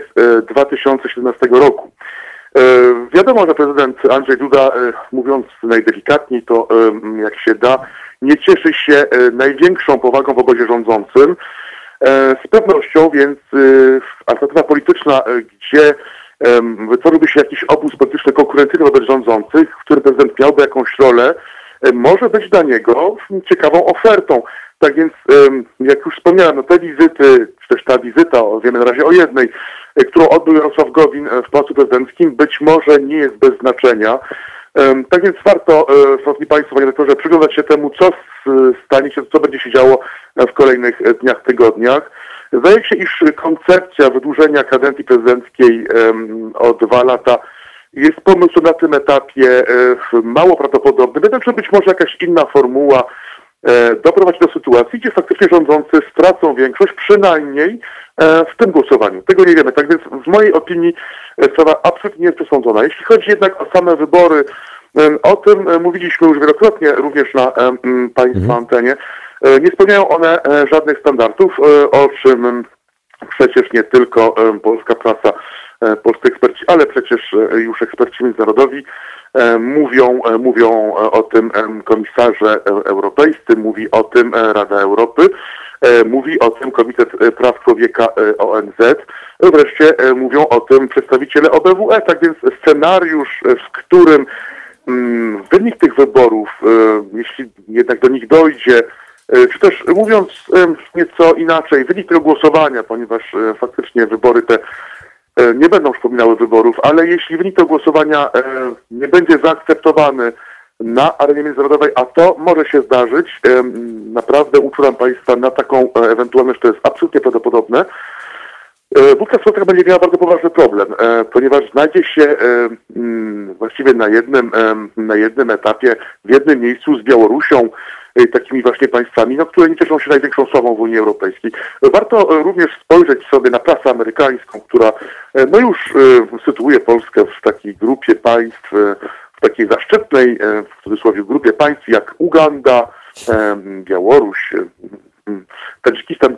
Te państwa z pewnością nie są znane z największych aspektów demokratycznych, tak więc już na tym etapie Polska traci. Ale panie Zbigniewie, wiele. my wiemy, że tracimy, tylko teraz pytanie. Jeżeli rządzący jednak postawią na swoim i 10 maja, albo nie daj w nieco późniejszym terminie, 17 czy 20 któregoś maja, ze względu oczywiście na procedury i przygotowywanie tych e, pakietów wyborczych, te wybory się odbędą.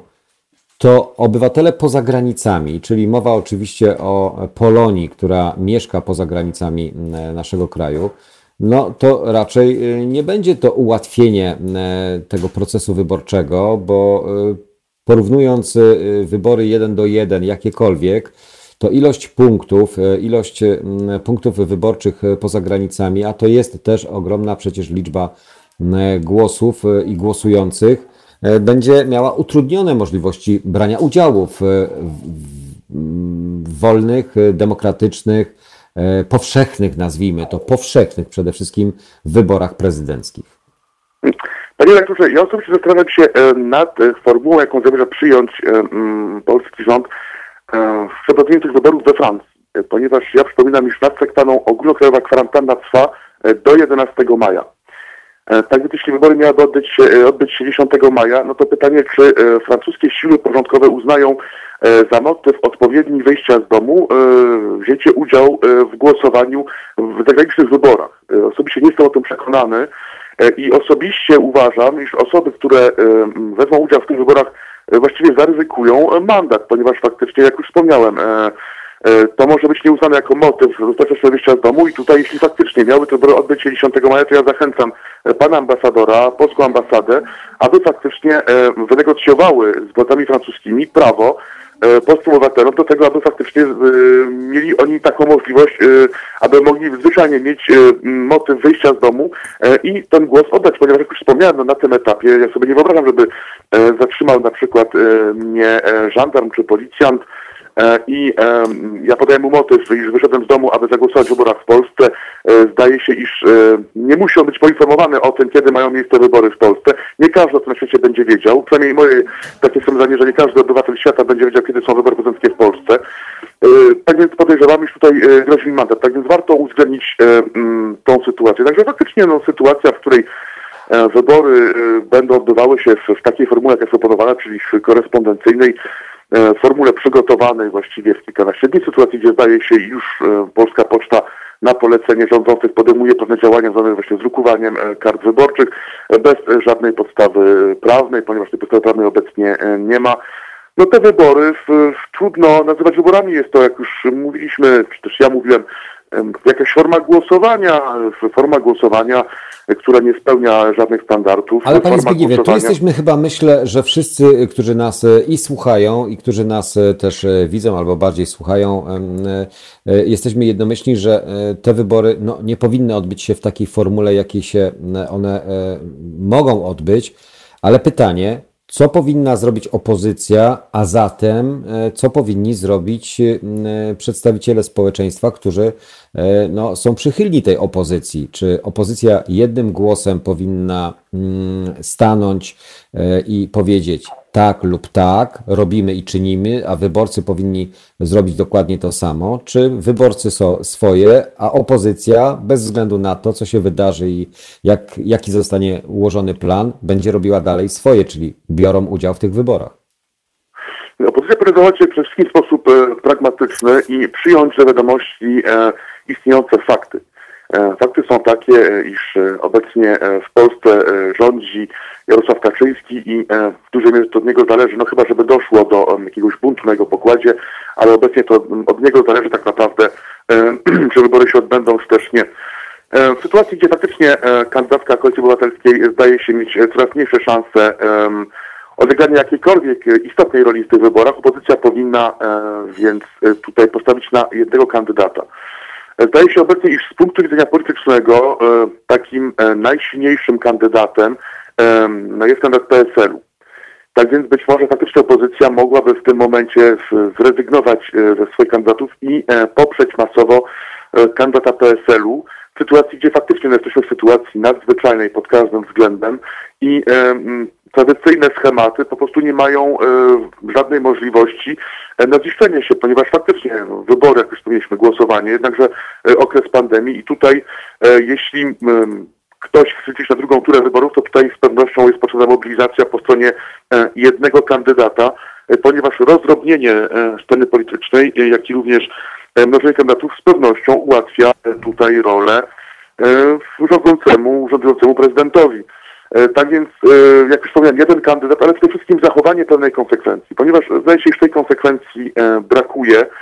No z jednej strony opozycja potępia tą formułę wyborów, z drugiej strony zaś nie wycofuje się z wzięcia w nich udziału. Tak więc to, to brak konsekwencji, ponieważ z jednej strony jeśli te wybory nie spełniają standardów, no to wówczas nie bierzemy w nich udziału, ponieważ z jednej strony faktycznie narażają one na e, e, tutaj e, no, na zagrożenie e, Ale panie Zbigniewie, no one nie spełniają standardów i to doskonale wiemy, bo jak sam pan też oznajmił i mówią środowiska międzynarodowe, te wybory nie powinny się odbyć w takim, a nie innym czasie i w takiej, nie innej sytuacji. Więc jeżeli nie spełniają standardów, to dlaczego opozycja i przedstawiciele opozycji jako kandydaci biorą w tym udział?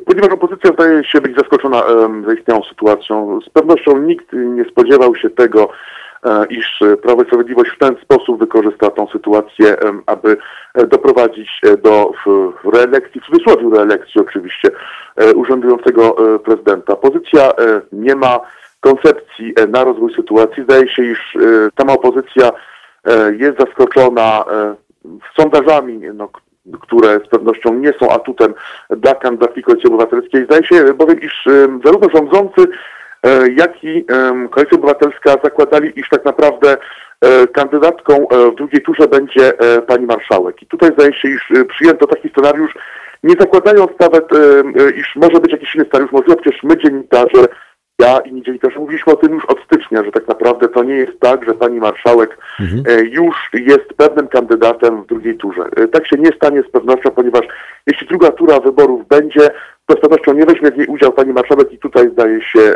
można o tym powiedzieć, z dużą, bardzo dużą dozą prawdopodobieństwa. Tak więc opozycja na tym etapie nie ma koncepcji. Ale panie Zbigniewie, to w takim bądź razie, bo mówimy o różnego rodzaju rozwiązaniach alternatywnych, to czy opozycja przed pierwszą turą powinna wystawić jednego kandydata, czy jednak czekać na to, że społeczeństwo spośród tych kandydatów, którzy obecnie teraz startują, wyłoni tego najsilniejszego, najmocniejszego kandydata, który może w drugiej turze konkurować, czy y, może spowodować to to, że osłabiona opozycja przegra w pierwszej turze, bo y, żaden z kandydatów y, no, nie będzie, nie spowoduje osłabienia obecnego prezydenta? Opozycja powinna z jednej strony e, traktować całkiem serio e, e, wydarzenia, które, do których właśnie doprowadził Jarosław Gowin i w jakiś sposób, na ile to jest możliwe, wspierać te negocjacje, bo być może faktycznie udałoby się doprowadzić do sytuacji, gdzie rządzący po prostu utracą większość przy głosowaniu nad tą ustawą. Tak więc z pewnością tutaj to powinno być traktowane serio, ponieważ tutaj no, jest e, duża szansa e, jakby no, w, w, w tym scenariuszu, że faktycznie te wybory mogą być odsunięte w czasie. Następnie faktycznie tutaj opozycja już nie może takich czasów, tych czasów straciła wystarczająco i musi poprzeć jednego kandydata. Tutaj faktycznie musi być pewna mobilizacja po jednej stronie, nie czekać tak naprawdę na wynik pierwszej tury, nie czekać właściwie już na nic, tylko właściwie na to się zdecydować, ponieważ czas ucieka, tego czasu jest coraz mniej i faktycznie, no jeśli miałoby się okazać, iż wybory odbędą się 10 maja, to dowiemy się o tym około 7-8 maja. Z pewnością e, nie będzie już to czas na e, podejmowanie jakichś decyzji, zwłaszcza, że będzie przecież obowiązywała już kilka godzin później cisza wyborcza. E, tak więc te działania powinny być podejmowane już na teraz. Z jednej strony faktyczne wspieranie no, no, pewnego pewnej dekompozycji obozu rządzącego. Warto mieć na uwadze, iż ta dekompozycja obozu rządzącego trwa już od jakiegoś czasu. E, z jednej strony faktycznie kandydat e, przecież e, również prawicy, pan Piotrowski, poszczególne spory na linii Kaczyński-Ziobro, poszczególne spory pomiędzy liderami drugiego szeregu w obozie rządzącym, to wszystko powoduje, iż faktycznie obóz rządzący ulega dużej dekompozycji. Dekompozycja będzie trwała. I ta dekompozycja staje się właściwie atutem, ponieważ w mojej opinii działania Gowina zaskoczyły samego prezesa PiSu. To nie było planowane i tutaj właściwie w tych działaniach Gowina największe zagrożenie dla PiSu, ponieważ co jest tak naprawdę dla PiSu zagrożeniem? Sytuacja, gdzie PiS traci większość. Tak więc tutaj warto tą sytuację mieć na uwadze opozycja powinna takie sytuacje właśnie wykorzystywać dla swoich działań politycznych, ponieważ tutaj faktycznie już jest, no, jest ta szansa, prawda, dla opozycji, mhm. ale jak już mówiłem, jednym głosem opozycja mówić powinna, ponieważ y, jesteśmy w sytuacji nadzwyczajnej pod każdym względem i warto byłoby tą sytuację y, dostosowywać swoje strategie do sytuacji, a nie y, na siłę próbować forsować strategie, które no, nie mają racji bytu. Jak już wspomniałem, tutaj z pewnością musi uwzględnić tą nową sytuację Platforma Obywatelska, pani kandydatka tego ugrupowania kandydata, która właściwie no, nie ma większych szans, trzeba e, powiedzieć, to nie ma większych szans na odegranie jakiejś istotnej roli w tych wyborach. Być może pani kandydatka mogłaby odgrywać jakąś rolę w właśnie negocjacjach jakichś e, pomiędzy Gowinem a opozycją. To nie jest wykluczone, że faktycznie jej udział w tych wyborach e, z pewnością już nie wpłynie na wynik tych wyborów. Tak więc opozycja powinna działać konstruktywnie, bardziej koncentrować się na działaniach konkretnych, ponieważ jeszcze jest na niej czas, niż na krytyce przedstawionej wobec rządu. się krytyka, która w niczym nie, przeszkadza rządzącym, wręcz być może ich wzmacnia. Tak więc więcej działań i cytując pana prezydenta Kwaśniewskiego, więcej wizji, mniej telewizji. Taką dać radę opozycji. I tutaj postawimy kropkę, e, pierwszą naszą kropkę e, w pierwszym naszym połączeniu o godzinie 9.15 e, nieco więcej o polityce zagranicznej i o kondycji poszczególnych krajów w walce z koronawirusem, między innymi o tym, co dzieje się we Francji. Dziękuję bardzo za ten czas w tym momencie, Panie Zbigniewie. Do usłyszenia. Do usłyszenia. To nasz korespondent Zbigniew Stefanik, z którym połączymy się, tak jak mówiłem wcześniej, o godzinie 9.15, a teraz Sting i Englishman in New York.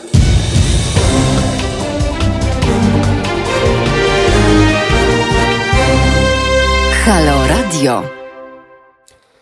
Halo Radio, 18 e, minut do godziny 9 nam e, zostało. E, jak to jest z tym koronawirusem, z różnego rodzaju wskaźnikami i modelami matematycznymi, które mówią jasno, u nas nie maleje skala, wręcz odwrotnie, u nas epidemia nie wygasa, ale rośnie. Według portalu OkoPress rządzący ukrywają część informacji, by nie podważać decyzji o wspomnianych i wspominanych dzisiaj cały czas wyborach. Jak rząd dysponuje analizami, z których wynika, że do wygaszenia epidemii jest jeszcze bardzo daleko. Kluczowy wskaźnik, czyli tak zwany wskaźnik reprodukcji R, i tutaj zapamiętajmy go, nie schodzi poniżej jednego punktu. Inne źródła e, potwierdzają, że ten R e, równy jest powyżej jednego e, punkta, czyli 1,2.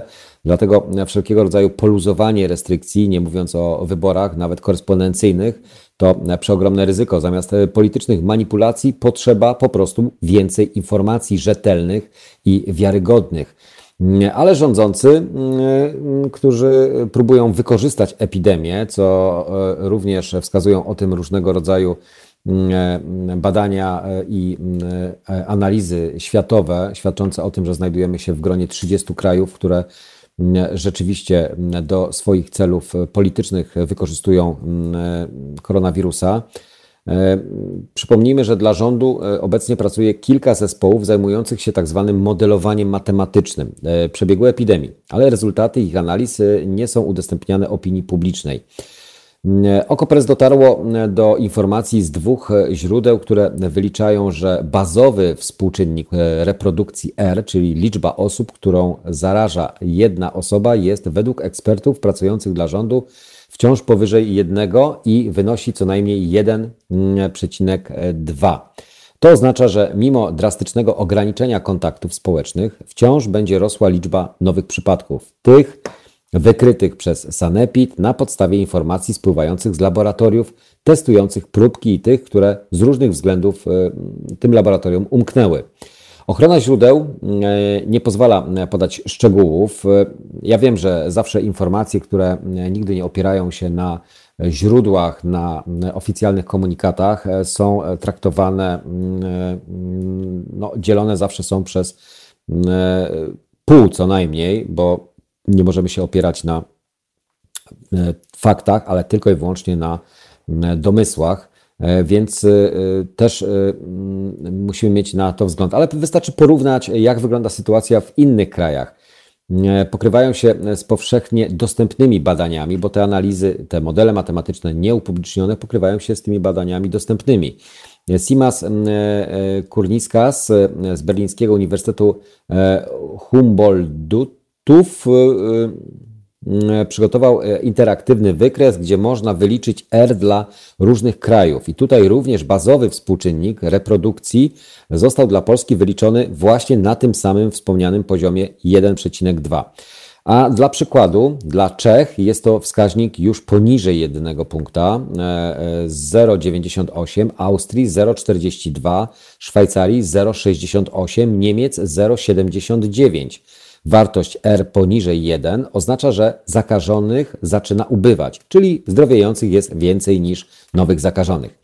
Najlepszy wynik ma Austria i ona właśnie zaczęła na e, większą skalę zmniejszać ograniczenia nałożone na gospodarkę, e, czego my również oczekujemy, ale żeby oczekiwać tego zmniejszenia mm, tych obostrzeń, a zarazem powolnego powrotu do normalności, to najpierw ten wskaźnik reprodukcji musi być na odpowiednim poziomie, a u nas na razie wygląda sytuacja e, wręcz e, przeciwnie. Rośnie, e, znaczy mamy ten wskaźnik zdecydowanie wyższy, co nie powinno absolutnie i rządzących, i ekipę, która próbuje przeforsować wybory, skłaniać do tego, żeby te wybory się odbyły. W Wielkiej Brytanii, gdzie epidemia wciąż szaleje, R jest szacowany na 1,44. W Rosji, gdzie nowe przypadki rosną bardzo szybko, tam wskaźnik dochodzi nawet do dwóch punktów, 1,99. W Słowacji, która tuż przed nami zamknęła granicę, R jest podobny jak w Polsce, 1,15. Najlepiej chyba e, znacznie zna, znaczenie współczynnika R wytłumaczy, wytłumaczyła kanclerz Angela Merkel, Angela Merkel, doktor nauk ścisłych. Jeśli współczynnik R wyniesie 1,1, co z czasem osiągniemy, mówi e, kanclerz, limity naszego systemu ochrony zdrowia, jeśli to będzie 1,2, to osiągniemy je już w lipcu. W lipcu my mamy dopiero końcówkę kwietnia. Widać więc, że R y, równy 1,2 to jeszcze duże zagrożenie, jeśli nie podejmie się zdecydowanych działań. Obawy o dalszy los epidemii w Polsce potwierdza prosta analiza e, dostępnych danych o zakażeniach w Polsce na tle innych krajów, które, które planują stopniowo się otwierać. Weźmy na przykład Czechy, które zamknęły granice dzień przed Polską oraz Austrię i Szwajcarię, które falę epidemiczną przyjęły 6 dni przed Polską i Czechami. Wykresy e, wyglądają e, tak, że wskaźniki mm, przyrostu e, osób zarażonych w tych krajach wymienionych wcześniej są zdecydowanie obecnie niższe niż u nas w Polsce. Mm, widać, że nie jesteśmy jeszcze na takim etapie, żeby móc poważnie mówić o otwieraniu kraju. Na razie mamy otwarte lasy, zwiększoną E, liczbę e, osób w sklepach, e, zakładamy maski wychodząc na zewnątrz do miejsc publicznych. Mm, to są pewne formy zabezpieczenia, pozwalające nam na poczucie tego, że mm, dbamy o to nasze bezpieczeństwo, nasze, ale, ale zarazem osób, które w naszym otoczeniu przecież przebywają. W Austrii i w Czechach czy Szwajcarii spada znacząco i liczba nowych przypadków, i aktywnych przypadków, co wskazuje na to, że szczyt epidemii te kraje mają już za sobą. Nie mówiąc o tym, że wszystkie mają mniej aktywnych przypadków niż Polska. W liczbach bezwzględnych, bo na milion mieszkańców są wciąż bardziej mm, zakażone. W Polsce jeszcze nie doszliśmy nawet do szczytu zakażeń. Może dlatego pierwszy etap łagodzenia restrykcji objął wycofanie się e, z niezbyt racjonalnego zakazu chodzenia do lasów i do parków oraz wychodzenia niepełnoletnich bez opieki dorosłego to zmiany, które nie powinny zmniejszyć skuteczności dystansowania społecznego, miały raczej pokazać, że nasza władza też coś no, teraz otwiera, czyli najpierw ogranicza, a później, że niby coś luzuje. No, mieliśmy zamknięte lasy, Już tutaj przytaczaliśmy wielokrotnie ten przykład. Zamykaliśmy lasy, gdy mieliśmy 3000 zarażonych, otwierali, ot, ot, otworzyliśmy je przy 8, a teraz już mamy przekroczone powyżej 10 tysięcy zarażonych. Są co najmniej dwie możliwości, mm, znaczy co w Polsce poszło nie tak, e, e, skoro po 4,5 tygodnia e, zamknięcia zaklinamy, zaklinany przez wszystkich współczynnik R nie spada jeszcze poniżej jednego punkta. Są dwie, dwie możliwości, a zarazem dwie przyczyny. Za mało testujemy i to wszyscy o tym doskonale wiedzą i to cały czas mówią i podkreślają. Dlatego zbyt późno wychwytujemy osoby zakażone, które zarażają kolejne. Brak przygotowania rządu do wykrywania zakażeń. Krytykowane brak laboratoriów już przy pierwszym polskim zakażeniu 4 marca 2020 roku. To pierwsza osoba, która została w Polsce, nazwijmy to, zdiagnozowana, u której został wykryty E, koronawirus. E, wtedy zwracano uwagę na e, dysproporcję między liczbą testów a rzeszą ludzi pozostających w kwarantannie. Po pytaniu redakcji Ministerstwo Zdrowia przyznało, że podawana skala diagnozy koronawirusa to nie liczba badanych osób, ale pobranych i sprawdzonych próbek, która jest w przypadku Wielkiej Brytanii o ponad 20% większa od liczby przetestowanych osób. Słyszeliśmy wielokrotnie od ministerstwa, że proporcje e, e, przeprowadzanych testów na 100 tysięcy osób e, mieszkających są w normach albo mieszczą się w granicach przyzwoitości. No, tak, podkreślam, w porównaniu do innych krajów. Regularnie porównywane są liczby testów na milion mieszkańców w krajach Unii Europejskiej. Milion, nie 100 tysięcy. Wykres, wykresy nie pozostawiają złudzeń na ten te, e, na temat skali diagnostyki w Polsce na tle średniej unijnej, na przykład Szwajcarii. Szwajcaria robi 26 testów, e, tysięcy testów na milion, Wielka Brytania tylko 8.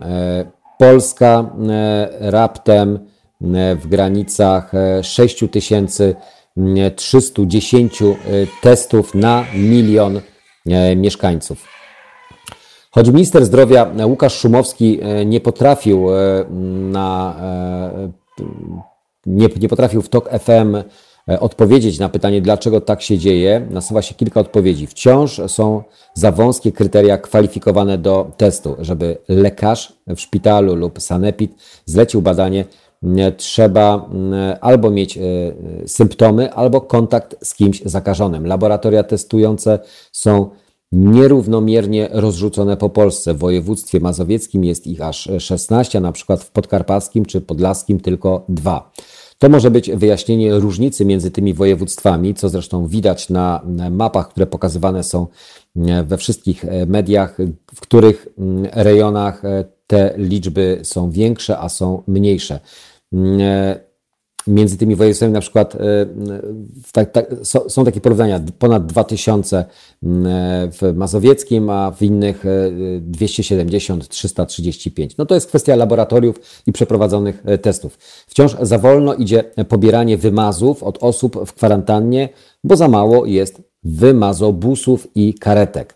Polska ma mały odsetek testów pozytywnych, co może znaczyć, że testuje wystarczająco, ale może znaczyć także, że testuje nie tam, gdzie trzeba i ogniska choroby umykają wcześniej, e, wczesnej detekcji.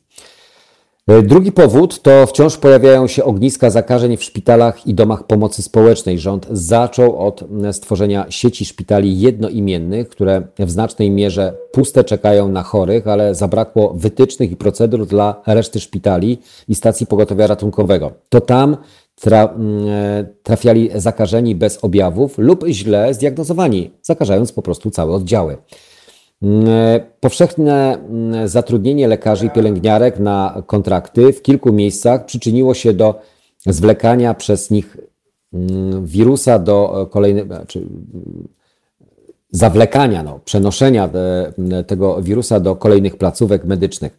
W szpitalach niezakaźnych i w DPS-ach brakowało środków ochrony osobistej, brakowało śluz i wiedzy, jak prawidłowo się zabezpieczać. E, część winy Ponoszą tu mm, niektóre samorządy i dyrektorzy placówek, którzy lekceważyli zagrożenie. bo część działań kryzysowych mogli wykonać sami bez oglądania się na rząd. E, przestrogą może być e, tutaj e, tragedia w domach pomocy społecznej w Hiszpanii. Mm, według prezydenta Andrzeja Dudy, Duda twierdzi, że pandemia się kończy i że można głosować.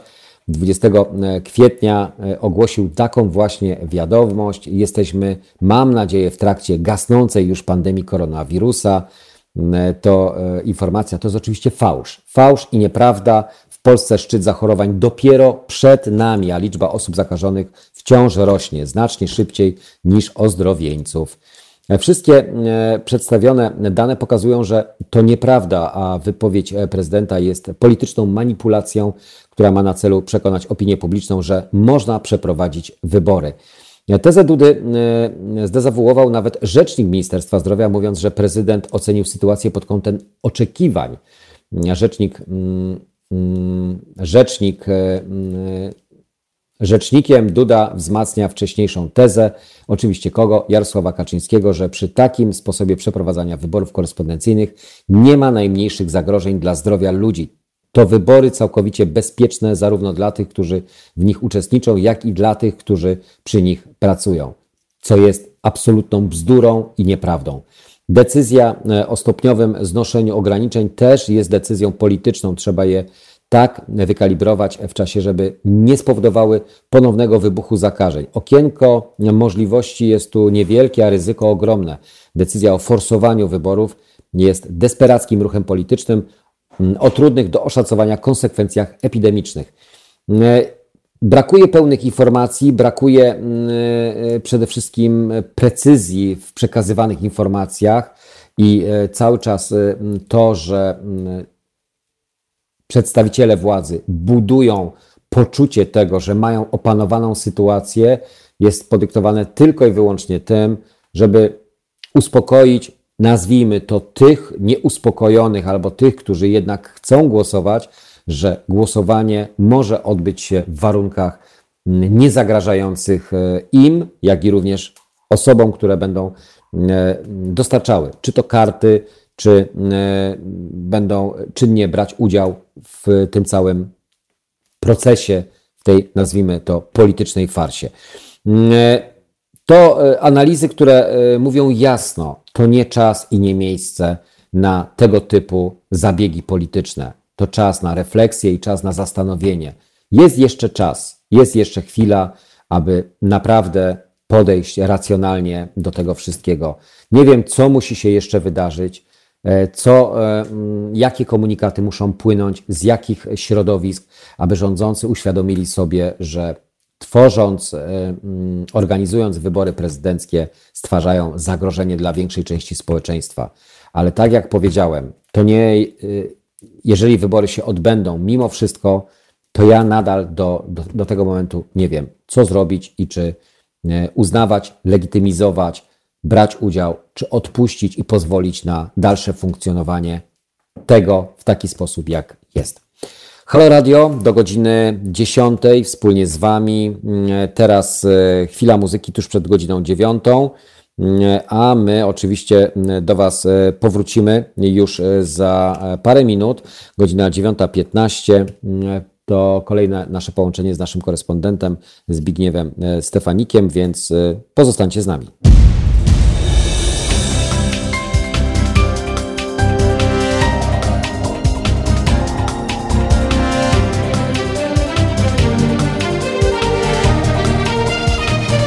Halo Radio.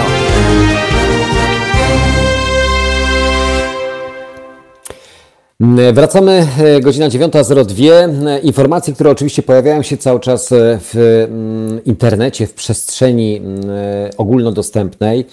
Z jednej strony dają nam nadzieję, z drugiej strony budzą wszelkiego rodzaju wątpliwości.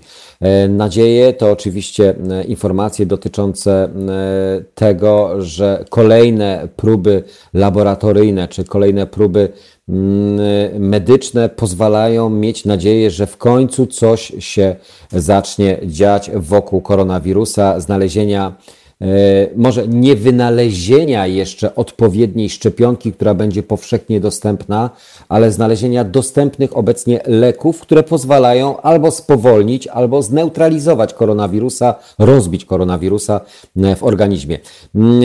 Informacje nie znalezione na portalach jakichś, nazwijmy to o tajemniczych nazwach, ale w mediach ogólnodostępnych, powszechnych i mam nadzieję, że równie wiarygodnych.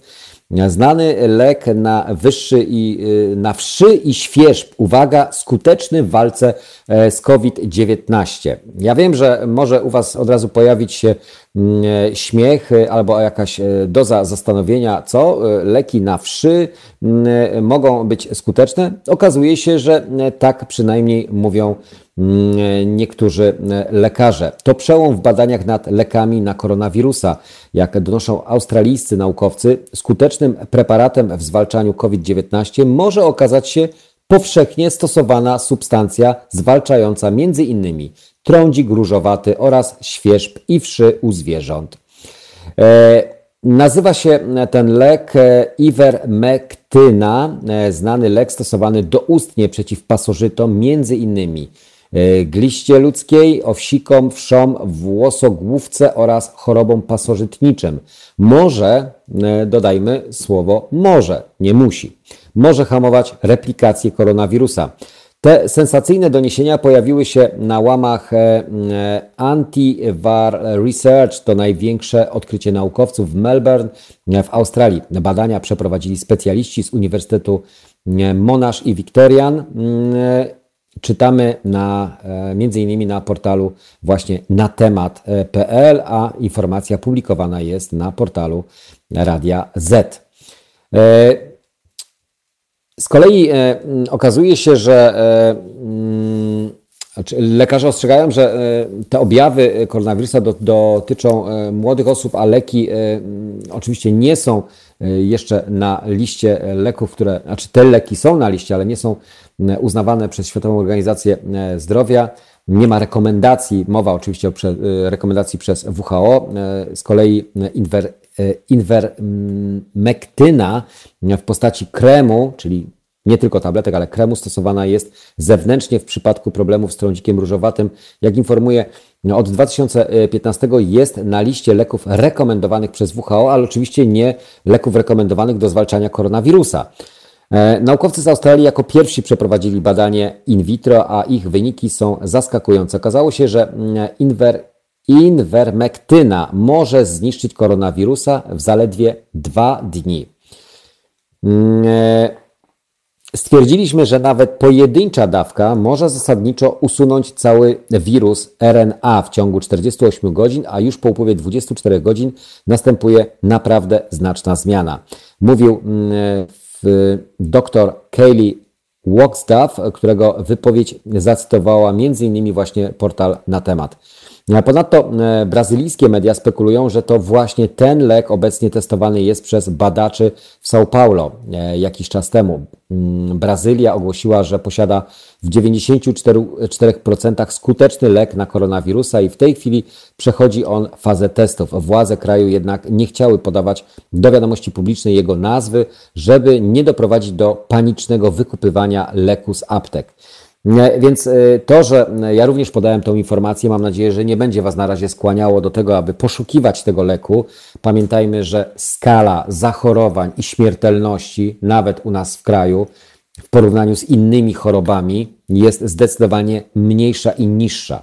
E, poczucie tego, że żyjemy w pandemii strachu albo w, w poczuciu strachu, może spowodować u nas. I tak też e, się działo, gdy pojawiły się różnego rodzaju informacje i wiadomości o tym, że któryś z leków może obniżać, a czy może zwiększać naszą odporność, a może obniżać możliwość zakażenia.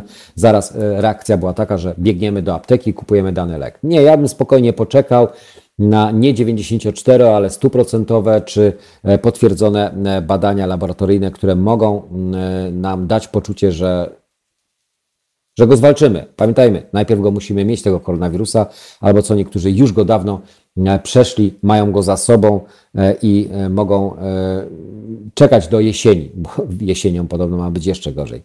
Należy, należy stanowczo zaznaczyć, że zanim sprowadzony i od dawna obecny na rynku lek zostanie oficjalnie uznany skutecznym w walce z koronawirusem, niezbędne są dalsze testy i eksperymenty naukowe.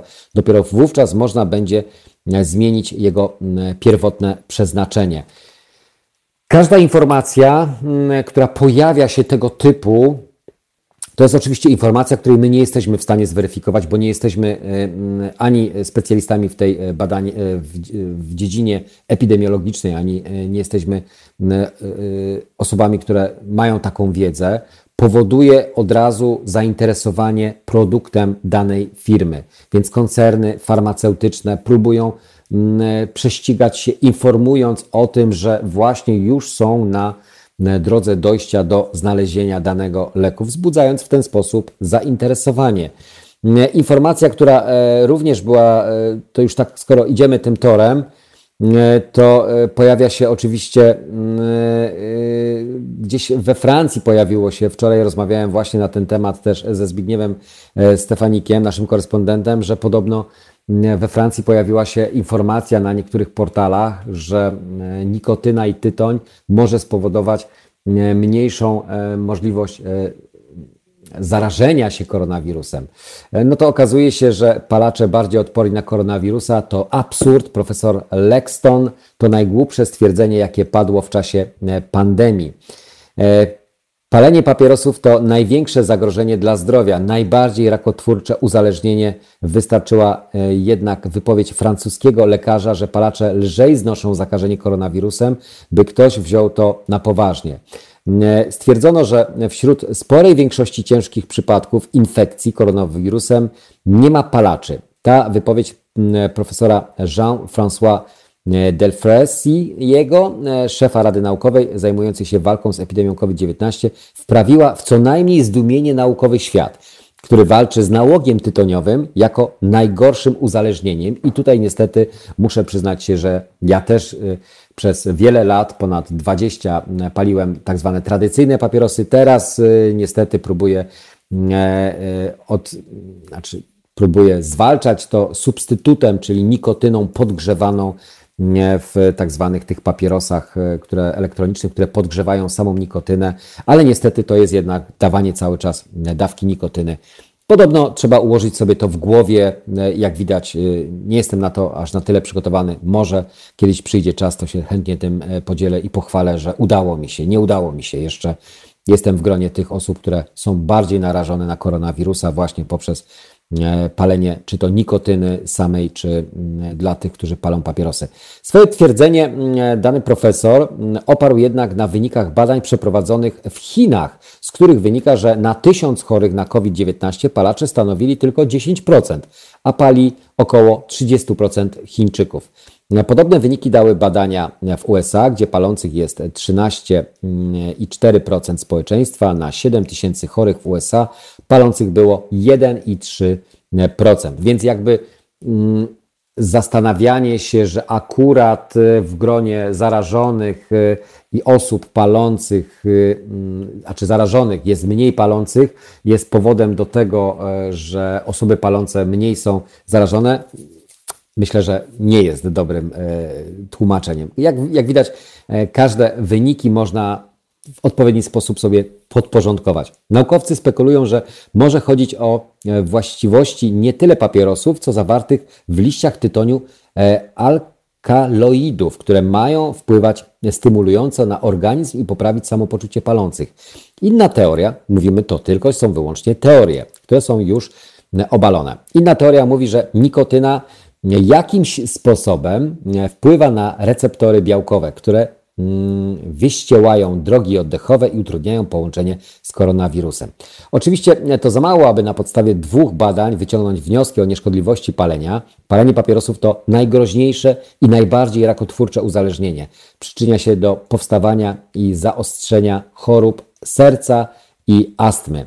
O zakażeniu koronawirusem wiemy niewiele, więc e, wypowiadanie tak kontrowersyjnych sądów przez autorytet naukowy jest bardzo szkodliwe, co zresztą później już nie zostało, znaczy informacja w sieci została, ludziom ona też została w głowach, a już później tłumaczenie i obalanie tego przez specjalistów już jakoś nie dociera do ludzi, więc ludzie, tak samo jak z tym lekiem wcześniej wymienianym, który pozwala mieć poczucie, że ktoś coś znalazł, poczekajmy spokojnie na konkrety.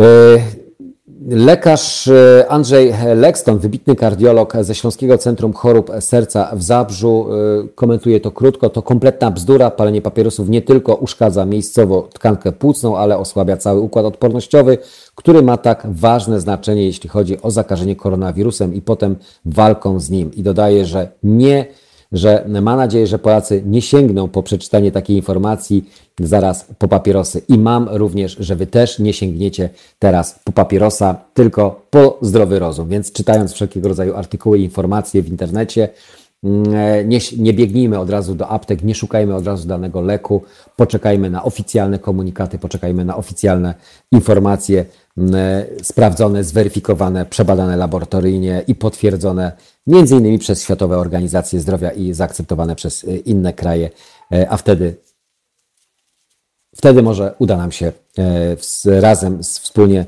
rozsądnie zwalczyć e, koronawirusa i wrócić do rzeczywistości.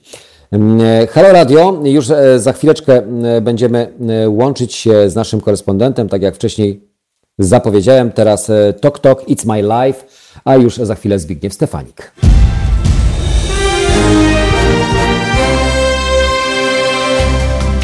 Halo Radio. Pierwsze medium obywatelskie.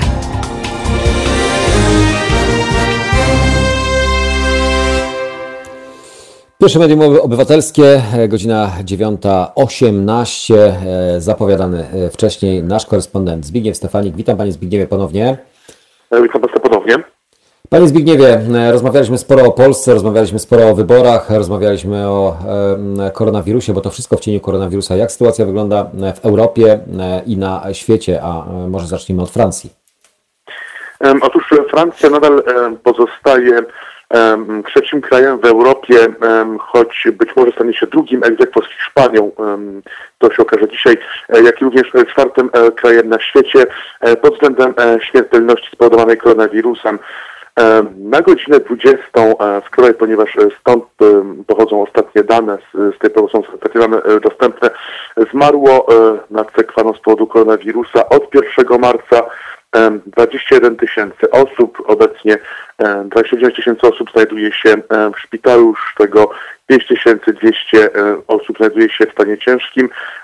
40 tysięcy osób zostało wyleczonych już od 1 marca nad cekwaną z koronawirusa. Wiadomo również, iż w szpitalu z powodu powikłań związanych z koronawirusem od 1 marca znalazło się 85 tysięcy obywateli nad cekwaną, a obecnie odnotowanych przypadków zakażeń koronawirusem we Francji jest około 114 tysięcy. Tak więc sytuacja nadal pozostaje bardzo poważna, chociaż jednak faktycznie zdaje się, iż spada dzienna liczba, e, statystyczna oczywiście e, liczba osób znajdujących się w stanie ciężkim, czyli właściwie więcej osób e, wychodzi ze szpitala niż zostaje do niego przyjmowanych. Tak więc jest to znak, który pokazuje na to, iż służba zdrowia jest coraz mniej przeciążona, a warto mieć na uwadze, iż właściwie głównym celem kwarantanny, no nie tylko we Francji, ale właściwie wszędzie tam, została ona wprowadzona, nie jest za, zatrzymanie czy też epidemii, tylko właśnie zahamowanie, czyli zablokowanie tej epidemii na czas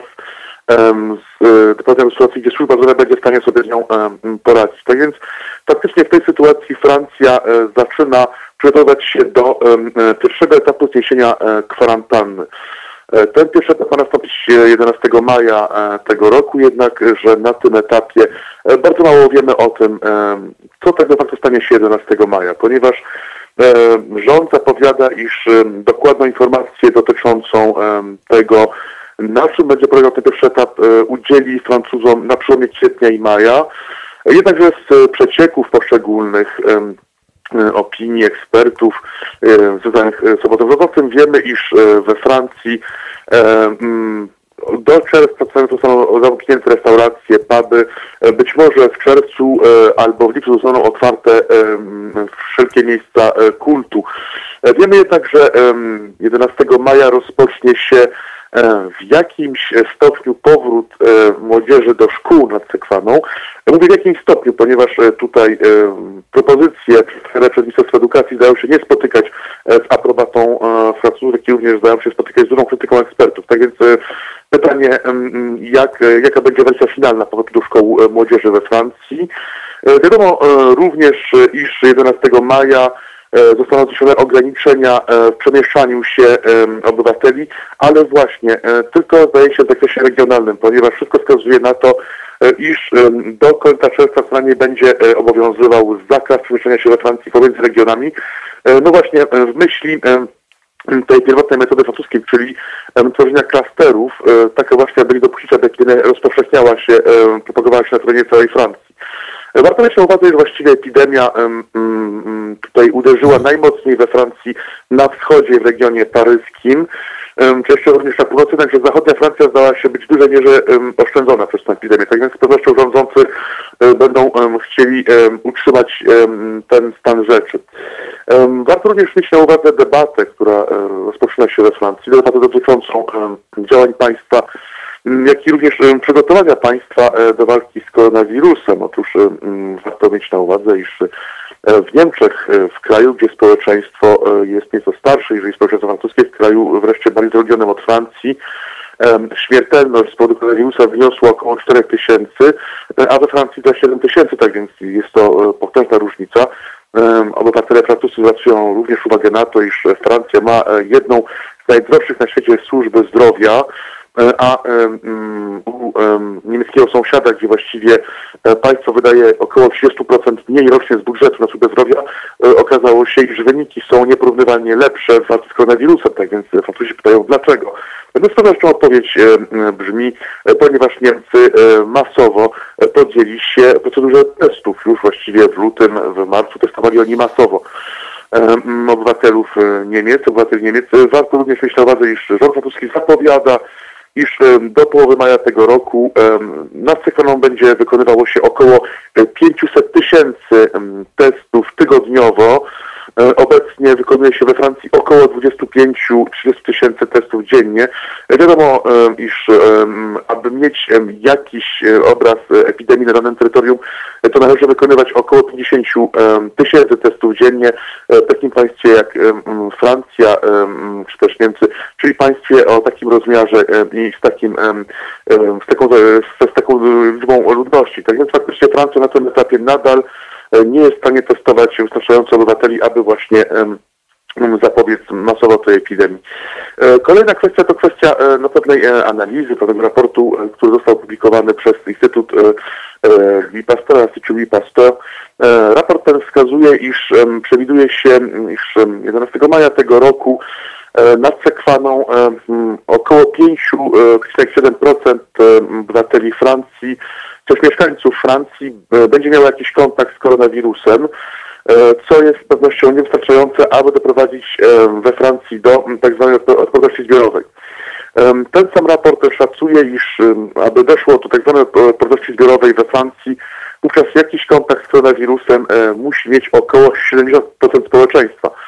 Tak więc nie można liczyć e, na odporność zbiorową e, jako remedium e, na walkę z koronawirusem, a wiadomo, iż z tą zarazą no nie tylko Francuzi, ale właściwie obywatele całego świata będą musieli żyć przez co najmniej jeszcze kilkanaście, być może kilkadziesiąt miesięcy, mówi się o dwóch latach. Mm, tak więc podejmuje się w związku z tym pewne kroki nad sekwaną i zdaje się, iż E, wbrew zaleceniom rządzących e, z początku epidemii, e, powszechne we Francji stanie się zasłanianie twarzy w miejscach publicznych. Na razie wiadomo, iż zasłanianie twarzy stanie się obowiązkowe w transportach zbiorowych, w komunikacji miejskiej, w kolei nie tylko. Pytanie jednak, czy faktycznie masowe używanie masek stanie się również obowiązkowe na ulicy, mówiąc krótko, na ulicy. Wiemy, e, iż obecnie e, Francja nie posiada wystarczającej liczby e, maseczek, tego użytku prezydent Francji zapowiada, iż do końca maja tych maseczek ma być we Francji około 20 milionów, jednakże faktycznie Francuzi podejmują się coraz częściej na własną rękę produkcji tych maseczek. Czyli tak samo jak w Polsce też społeczeństwo zaczęło samo realizować zlecenia i produkcję na własne potrzeby, ale również wspierając w ten sposób placówki szpitalne, a teraz przy zamówieniach, które sprowadzane były przez ekipę rządzącą, E, z Chin e, przeogromnych e, liczb, ilości. Polska chce przerzucić się na produkcję maseczek, wspierając w ten sposób inne kraje, co oczywiście budzi z jednej strony uśmiech, a z drugiej strony no, zadowolenie, że przynajmniej w ten sposób możemy innym krajom też pomóc, tak? Tak jak Pan wspomniał, Polska zdaje się, iż Polska znajduje się w no, niechlubnej czołówce państw na świecie, które testują najmniej tak, tak, więc tutaj warto również mieć tutaj gdzieś e, tą informację na uwadze. Jednakże wracając do Francji, warto jeszcze tutaj przytoczyć dane ekonomiczne. Otóż w tamtym tygodniu e, francuski parlament przyjął nowelizację francuskiego budżetu na rok 2020. E, prognozowana recesja do końca roku to minus 8% rocznego PKB nad Sekwaną. E, przy czym eksperci e, podkreślają, iż e, ta prognoza jest prognozą zareklamująco optymistyczną. Oni prognozują recesję we Francji w tym roku na poziomie 10, być może 15%. Deficyt publiczny wreszcie, prognozowany na ten rok nad sekweną to 9,1%, czyli właśnie trzy razy, ponad trzy razy wyższy niż ten, który dozwala, który dozwalają europejskie traktaty, jednakże faktycznie Unia Europejska też Komisja Europejska poinformowała o tym, że w ramach walki z epidemią i tym kryzysem e, państwa na czas jakiś oczywiście skreślony mogą zrezygnować z tych kryteriów, jednakże faktycznie um, deficyt będzie, warto mieć to na uwadze, na paną trzy razy większy od tego, który jest dopuszczalny w Unii Europejskiej e, i w strefie euro. Wreszcie dług publiczny. Wiadomo, już do końca roku ten dług publiczny um, będzie na poziomie około 115% um, francuskiego rocznego PKB. E, tak więc we Francji szykuje się, też już rozpoczęła się największa recesja po II wojnie światowej. Dla porównania e, ta recesja e, z pewnością będzie około 3 razy, być może 4 razy większa i bardziej dotkliwsza niż ta recesja, która miała miejsce we Francji w roku 2009, czyli po tym kryzysie, który rozpoczął się w roku 2008. Obecnie na bezrobociu od 1 marca znalazło się 10 milionów Francuzów, czyli właściwie połowa sektora prywatnego. Czym e, branże najbardziej dotknięte to gastronomia, e, budownictwo i e, hotelarstwo. I także w tym samym czasie do pracy przystępują fabryki związane z produkcją motoryzacyjną. Wczoraj produkcję rozpoczęła Toyota. Dzisiaj produkcję rozpoczyna Renault, tak więc faktycznie ta produkcja rusza nad Sekwaną, jednakże w bardzo okrojonym, okrojonym tempie i liczebności.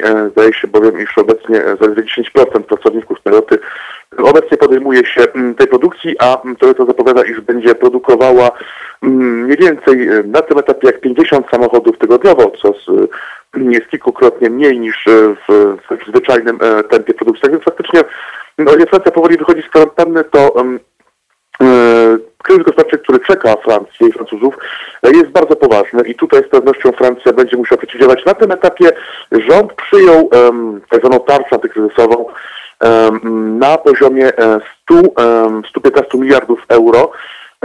Krótkoterminowo, czyli są, są to kwoty, które będą wydawane na bieżąco na wspieranie francuskich przedsiębiorców, francuskie przedsiębiorstwa tak małe, jak i średnie, e, jak również wspieranie francuskich obywateli, czyli tych obywateli, no, którzy przez ten kryzys znaleźli się e, w bardzo złym położeniu finansowym. Jednak z pewnością są to liczby, które są liczbami, jak już wspomniałem, krótkoterminowymi, ponieważ z pewnością te liczby nie wystarczą, tylko nie wystarczą na to, aby ratować E, francuską gospodarkę. E, z pewnością e, tekst podatkowy będzie uaktualniany być może wręcz z tygodnia na tydzień, tego nie wiemy, ale tutaj z pewnością Francja będzie liczyła, jak inne kraje Unii Europejskiej, na skoordynowaną działalność Unii Europejskiej na rzecz ratowania europejskiej gospodarki jako takiej. Wiemy, że takie działania już zostały podjęte. Unia Europejska postanowiła o przyjęciu planu wartego około 550 miliardów euro no właśnie wsparcia dla poszczególnych polityków gospodarczych w Unii Europejskiej, to to również będzie pewnie wystarczające. Tak więc należy poczekać na rozwój wydarzeń, ale zresztą czeka nas największa recesja w Europie mm, od II wojny światowej. O tym możemy być pewni. Dziękuję bardzo. Zbigniew Stefanik, nasz korespondent e, ze Strasburga, e, o tym, co dzieje się w Europie, a między innymi albo głównie, co dzieje Jeśli się we pozwoli Francji. jeszcze, e, mm, jeśli pan pozwoli, chciałem zachęcić wszystkich słuchaczy e, zainteresowanych e, bezpośrednią rozmową e, do napisania do mnie na adres e-mail e, stefanik.zbigniew e, małpa e, laposte.net. Ci słuchacze, którzy chcieli zadać, by, chcieli zadać jakieś pytanie dotyczące e, polityki polskiej, międzynarodowej, francuskiej, e, mogą wysłać e, swoje pytanie, e, swoje uwagi na adres e-mail. Ja z mojej strony obiecuję, e, iż odpowiem e, na wszystkie maile, oczywiście te, te, które się będą mieściły e, w granicach e, no, kultury i e, pewne- pewnego e, tonu. E, Mówię tutaj oczywiście o e, inwektywach, na które nie będę odpowiadał. E, Jednakże faktycznie bardzo proszę o bezpośrednie komunikowanie się. Tych którzy mają jakieś pytania, z największą przyjemnością będę na te wszystkie pytania odpowiadał. Zachęcam do pisania i dziękuję za dzisiejszą rozmowę. Pozdrawiam, życzę wiele zdrowia wszystkim. Ja również życzę zdrowia jeszcze raz, pozdrawiam serdecznie.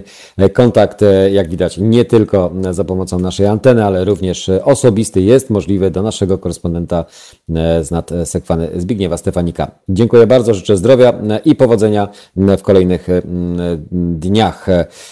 Na naszej antenie dr Hook, Sexy Eyes, a ja wracam do Was z kolejnymi informacjami.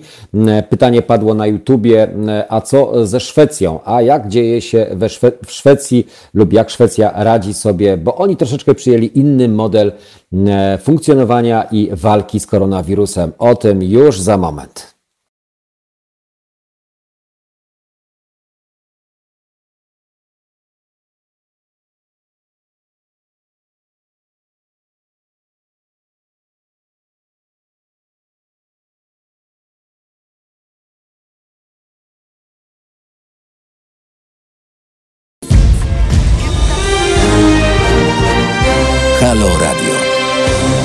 Pierwsze radio z wizją.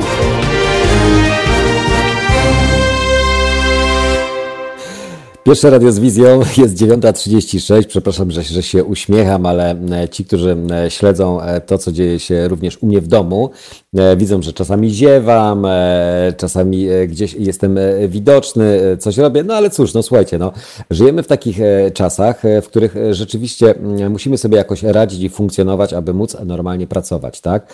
Ja już z kuchni tutaj czuję mm, zap- zapach porannego śniadania. Chętnie napiłbym się również e, drugiej kawy, ale uczynię to zaraz mm, po godzinie 10, czego też Wam e, życzę, a mam nadzieję, że ci, którzy mm, nas e, słuchają, a są po tej drugiej stronie przestrzeni internetowej albo w tym internecie, e, już dawno albo to uczynili, albo mieli taką możliwość. E, Wspomniałem wcześniej o Szwecji, zresztą też padło takie pytanie na naszym e, czacie na YouTubie.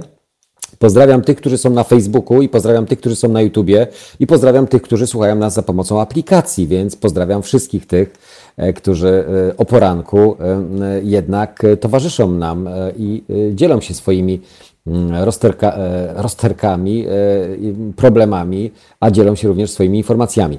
No dobra, e, przejdźmy do tej Hiszpanii, bo takie pytanie padło, czy mamy jakieś dane statystyczne albo jak sobie radzi Hiszpania. Hiszpania przyjęła trochę nieco inny model mm, funkcjonowania mm, i walki z koronawirusem. Mm, Z przedstawionej we wtorek prognozy szwedzkich naukowców wynika, że w Sztokholmie szczyt nowych zakażeń koronawirusem minął prawdopodobnie w połowie kwietnia. Na początku maja nawet 1 trzecia mieszkańców stolicy może być już zainfekowana koronawirusem i w większości bezobjawowo przejdzie chorobę COVID-19. Statystycy i y, matematycy przeanalizowali dane o liczbie zgłoszonych przypadków COVID-19 oraz wyniki badań przeprowadzonego na grupie losowo wybranych mieszkańców Sztokholmu i doszli do wniosku, że szczyt nowych zakażeń minął 15 kwietnia. Ogłosił na konferencji prasowej zastępca głównego epidemiologa kraju Andreas Wallenstein.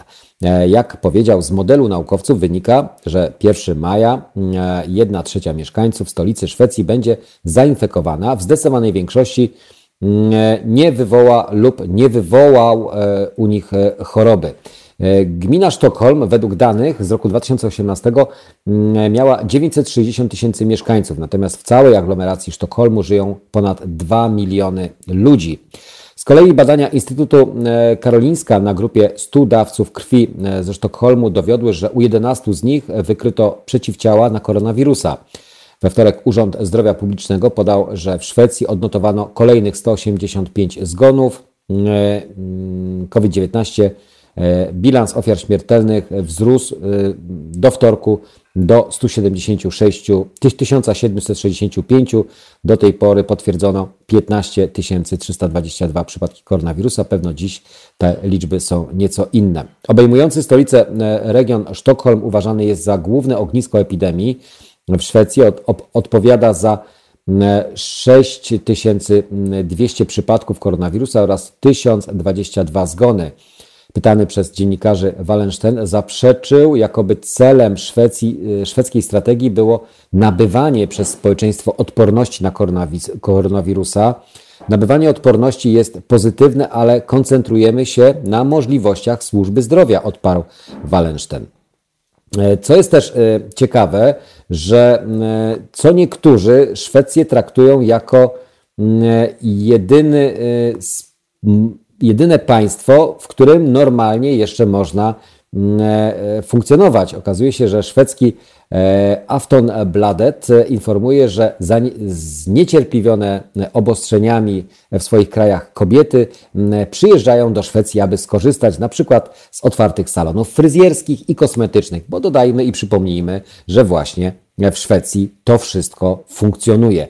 Pogoni za luksusem E, przeszkodą nie są e, dla nich nawet e, drogie bilety lotnicze, aczkolwiek wiemy, że granice i możliwości przemieszczania są ograniczone, ale mm, co niektórzy i co niektóre, jak widać, kobiety mm, mogą sobie na to pozwolić. Kobiety z Europy przyjeżdżają do nas, gdyż w ich krajach punkty usługowe zostały zamknięte. Odwiedzają nas, aby obciąć włosy i zrobić paznokcie, paznokcie zjeść w restauracji, a wieczorem po prostu poimprezować.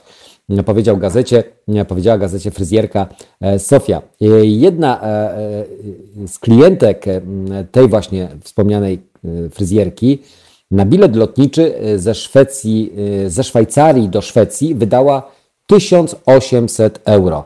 Była bardzo szczęśliwa, że mogła zadbać o siebie. Podobnie uczyniło kilka jej przyjaciółek. E, podkreśla, zjawisko e, przybywania e, majętnych klientek zamkniętych przez walkę z koronawirusem państw potwierdzili dziennikarzom gazety także inni pracownicy salonów fryzjerskich, choć nie chcą być posądzani o przykładnie, przykładanie się do ewentualnego rozprzestrzeniania się koronawirusa. E, w Malom e, turystyka kosmetyczna ma charakter bardziej lokalny. Przyjeżdżają dunki e, z pobliskiej Kopenhagi. Szwecja zamknęła granice jedynie dla przybyszów spoza Unii Europejskiej. Swobodnie mm, wjeżdżać mogą także Szwajcarzy, Norwegowie oraz Islandczycy. Mm, w Szwecji mm, jedynym obostrzeniem wprowadzonym przez władze jest zakaz zgromadzeń powyżej 50 osób. Uważa się, że zamiast zakazów wystarczą zalecenia, a społeczeństwo samo będzie starać się o zachowanie dystansu. Ciekawe, czy taki mm, model by się u nas e, sprawdził. E, to jest dość e, ciekawe podejście, bo to jest kwestia kultury społecznej albo kultury takiej naszej osobistej, że wystarczy nam dać pewne wskazówki, a my już do tych wskazówek się moglibyśmy podporządkować. No, Szwecja jest krajem, które, y, który mm, izoluje się, y, tak nazwijmy to prywatnie, może y, spotykają się w restauracjach i tak dalej, pewno normalnie też funkcjonują, ale kulturowo daleko nam jest do Szwecji, dlatego może tam inaczej to wszystko wygląda, a zarażenia i rozprzestrzenianie się jest na podobnej skali. Pewno z czasem bardziej dogłębnie będą przeprowadzane analizy, ale y, na razie, na obecną chwilę, ten model, czy się sprawdza, czy nie, niech każdy z Was już sam to rozstrzygnie. Mamy kolejne informacje mm, dotyczące tego, co będzie działo się u nas w kraju. Wiemy, jak wygląda sytuacja we Francji, jak wygląda w Szwecji. Premier e, Mateusz e, Morawiecki jutro przedstawi kolejne informacje dotyczące spraw oświatowych i ewentualnego kolejnego, uwaga, etapu zmiany regulacji, które byłyby wprowadzane w związku z koronawirusem, poinformował szef kancelarii premiera Michał Dworczyk. Do niedzieli 26 kwietnia z możliwością przedłużenia zamknięte pozostają szkoły, uczelnie, przedszkola i żłobki. Premier Mateusz Morawiecki poinformował mm, we wtorek, że egzaminy ósmoklasistów na takim specjalnym czacie, nazwijmy to, na którym można było zadawać pytania premierowi, premier odpowiadał. Zawodowe egzaminy dojrzałości mogą odbyć się pod koniec czerwca lub na początku e, lipca. E, przypomnijmy, że od 16 kwietnia obowiązuje natomiast przepis nakazujący zakrywanie nosa i ust w przestrzeni publicznej. Rząd ogłosił także stopniowe poluzowanie obostrzeń, a jednym z jego pierwszych etapów było ponowne, wspomniane już wcześniej, e, otwarcie e, lasów i parków od 20 kwietnia. Szef kancelarii premiera przekazał mm, wczoraj, e, a czy dzisiaj informację, dzisiaj tak, dzisiaj informację, że rząd każdego dnia prowadzi monitoring sytuacji i wpływu uchwalania przepisów ograniczających funkcjonowanie w czasie epidemii koronawirusa. No to patrząc na przyrost e, osób zarażonych, zakażonych, zarażonych, e, można byłoby rzec, że wszelkie luzowania nie są skuteczne, ale pamiętajmy, że to jest efekt E, dopiero mm, e, następujący. Mm, więc e, myślę, że są mądrzejsi, którzy do tego podchodzą, albo sprytniejsi, którzy to wykorzystują.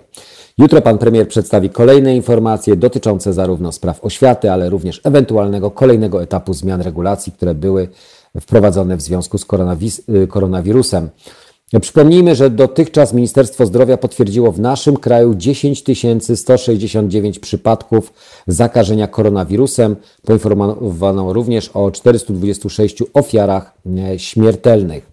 E, więc mm, mamy, e, mm, no, mamy informację, że jest jak jest, dobrze nie jest, a podobno będzie mm, lepiej, tak? Więc kwestia kwestia tego, co nam zaproponują, albo jakie kolejne dostaniemy mm, e, informacje, no tego nie wiemy. Ale wiemy na pewno jedno, że już e, możemy spodziewać się 4 maja listonosza. Uwaga, e, wyciekły pewne informacje, które są publikowane na stronie na portalu many.pl. Wybory korespondencyjne coraz bliżej. Już od 4 maja spodziewaj się listonosza z pakietem wyborczym. 6 dni, e, ponad 30 milionów pakietów wyborczych i około 25 tysięcy listonoszy. Przygotowania do wyborów korespondencyjnych trwają w najlepsze. Ujawniamy, many.pl ujawnia pierwsze szczegóły instrukcji, jakie na czas wyborów otrzymają od przełożonych pracownicy poczty z całego kraju. Komunikat e, płynący z centrali mówi wprost: między 4 a 10 maja należy dostarczyć Polakom pakiety wyborcze. Do obsłużenia jest ponad 14 milionów gospodarstw domowych. Listonosze nie będą jednak e, w zadaniu osamotnieni. Przy roznoszeniu przesyłek mają im bowiem towarzyszyć tajemniczy kontrolerzy. Zadanie e, doręczenia ponad 30 milionów przesyłek z pakietami wyborczymi spoczywa na e, barkach blisko 25 tysięcy listonoszy. Decyzję nowego szefa poczty Tomasza e, Zdzikota, każde, każdemu z nich pomagać będzie specjalnie oddelegowana do tego osoba. Wbrew wcześniejszym informacjom nie musi być to pracownik poczty, a jedynie ochotnik, którego zadaniem będzie doglądanie procedury dostarczania pakietów. Jak już e, wcześniej e, były przekazywane informacje, asysta e, rzeczowych kontrolerów przy wyborach ma zwiększyć ich transparentność oraz zapobiec ewentualnemu niewypełnieniu obowiązków przez samych listonoszy.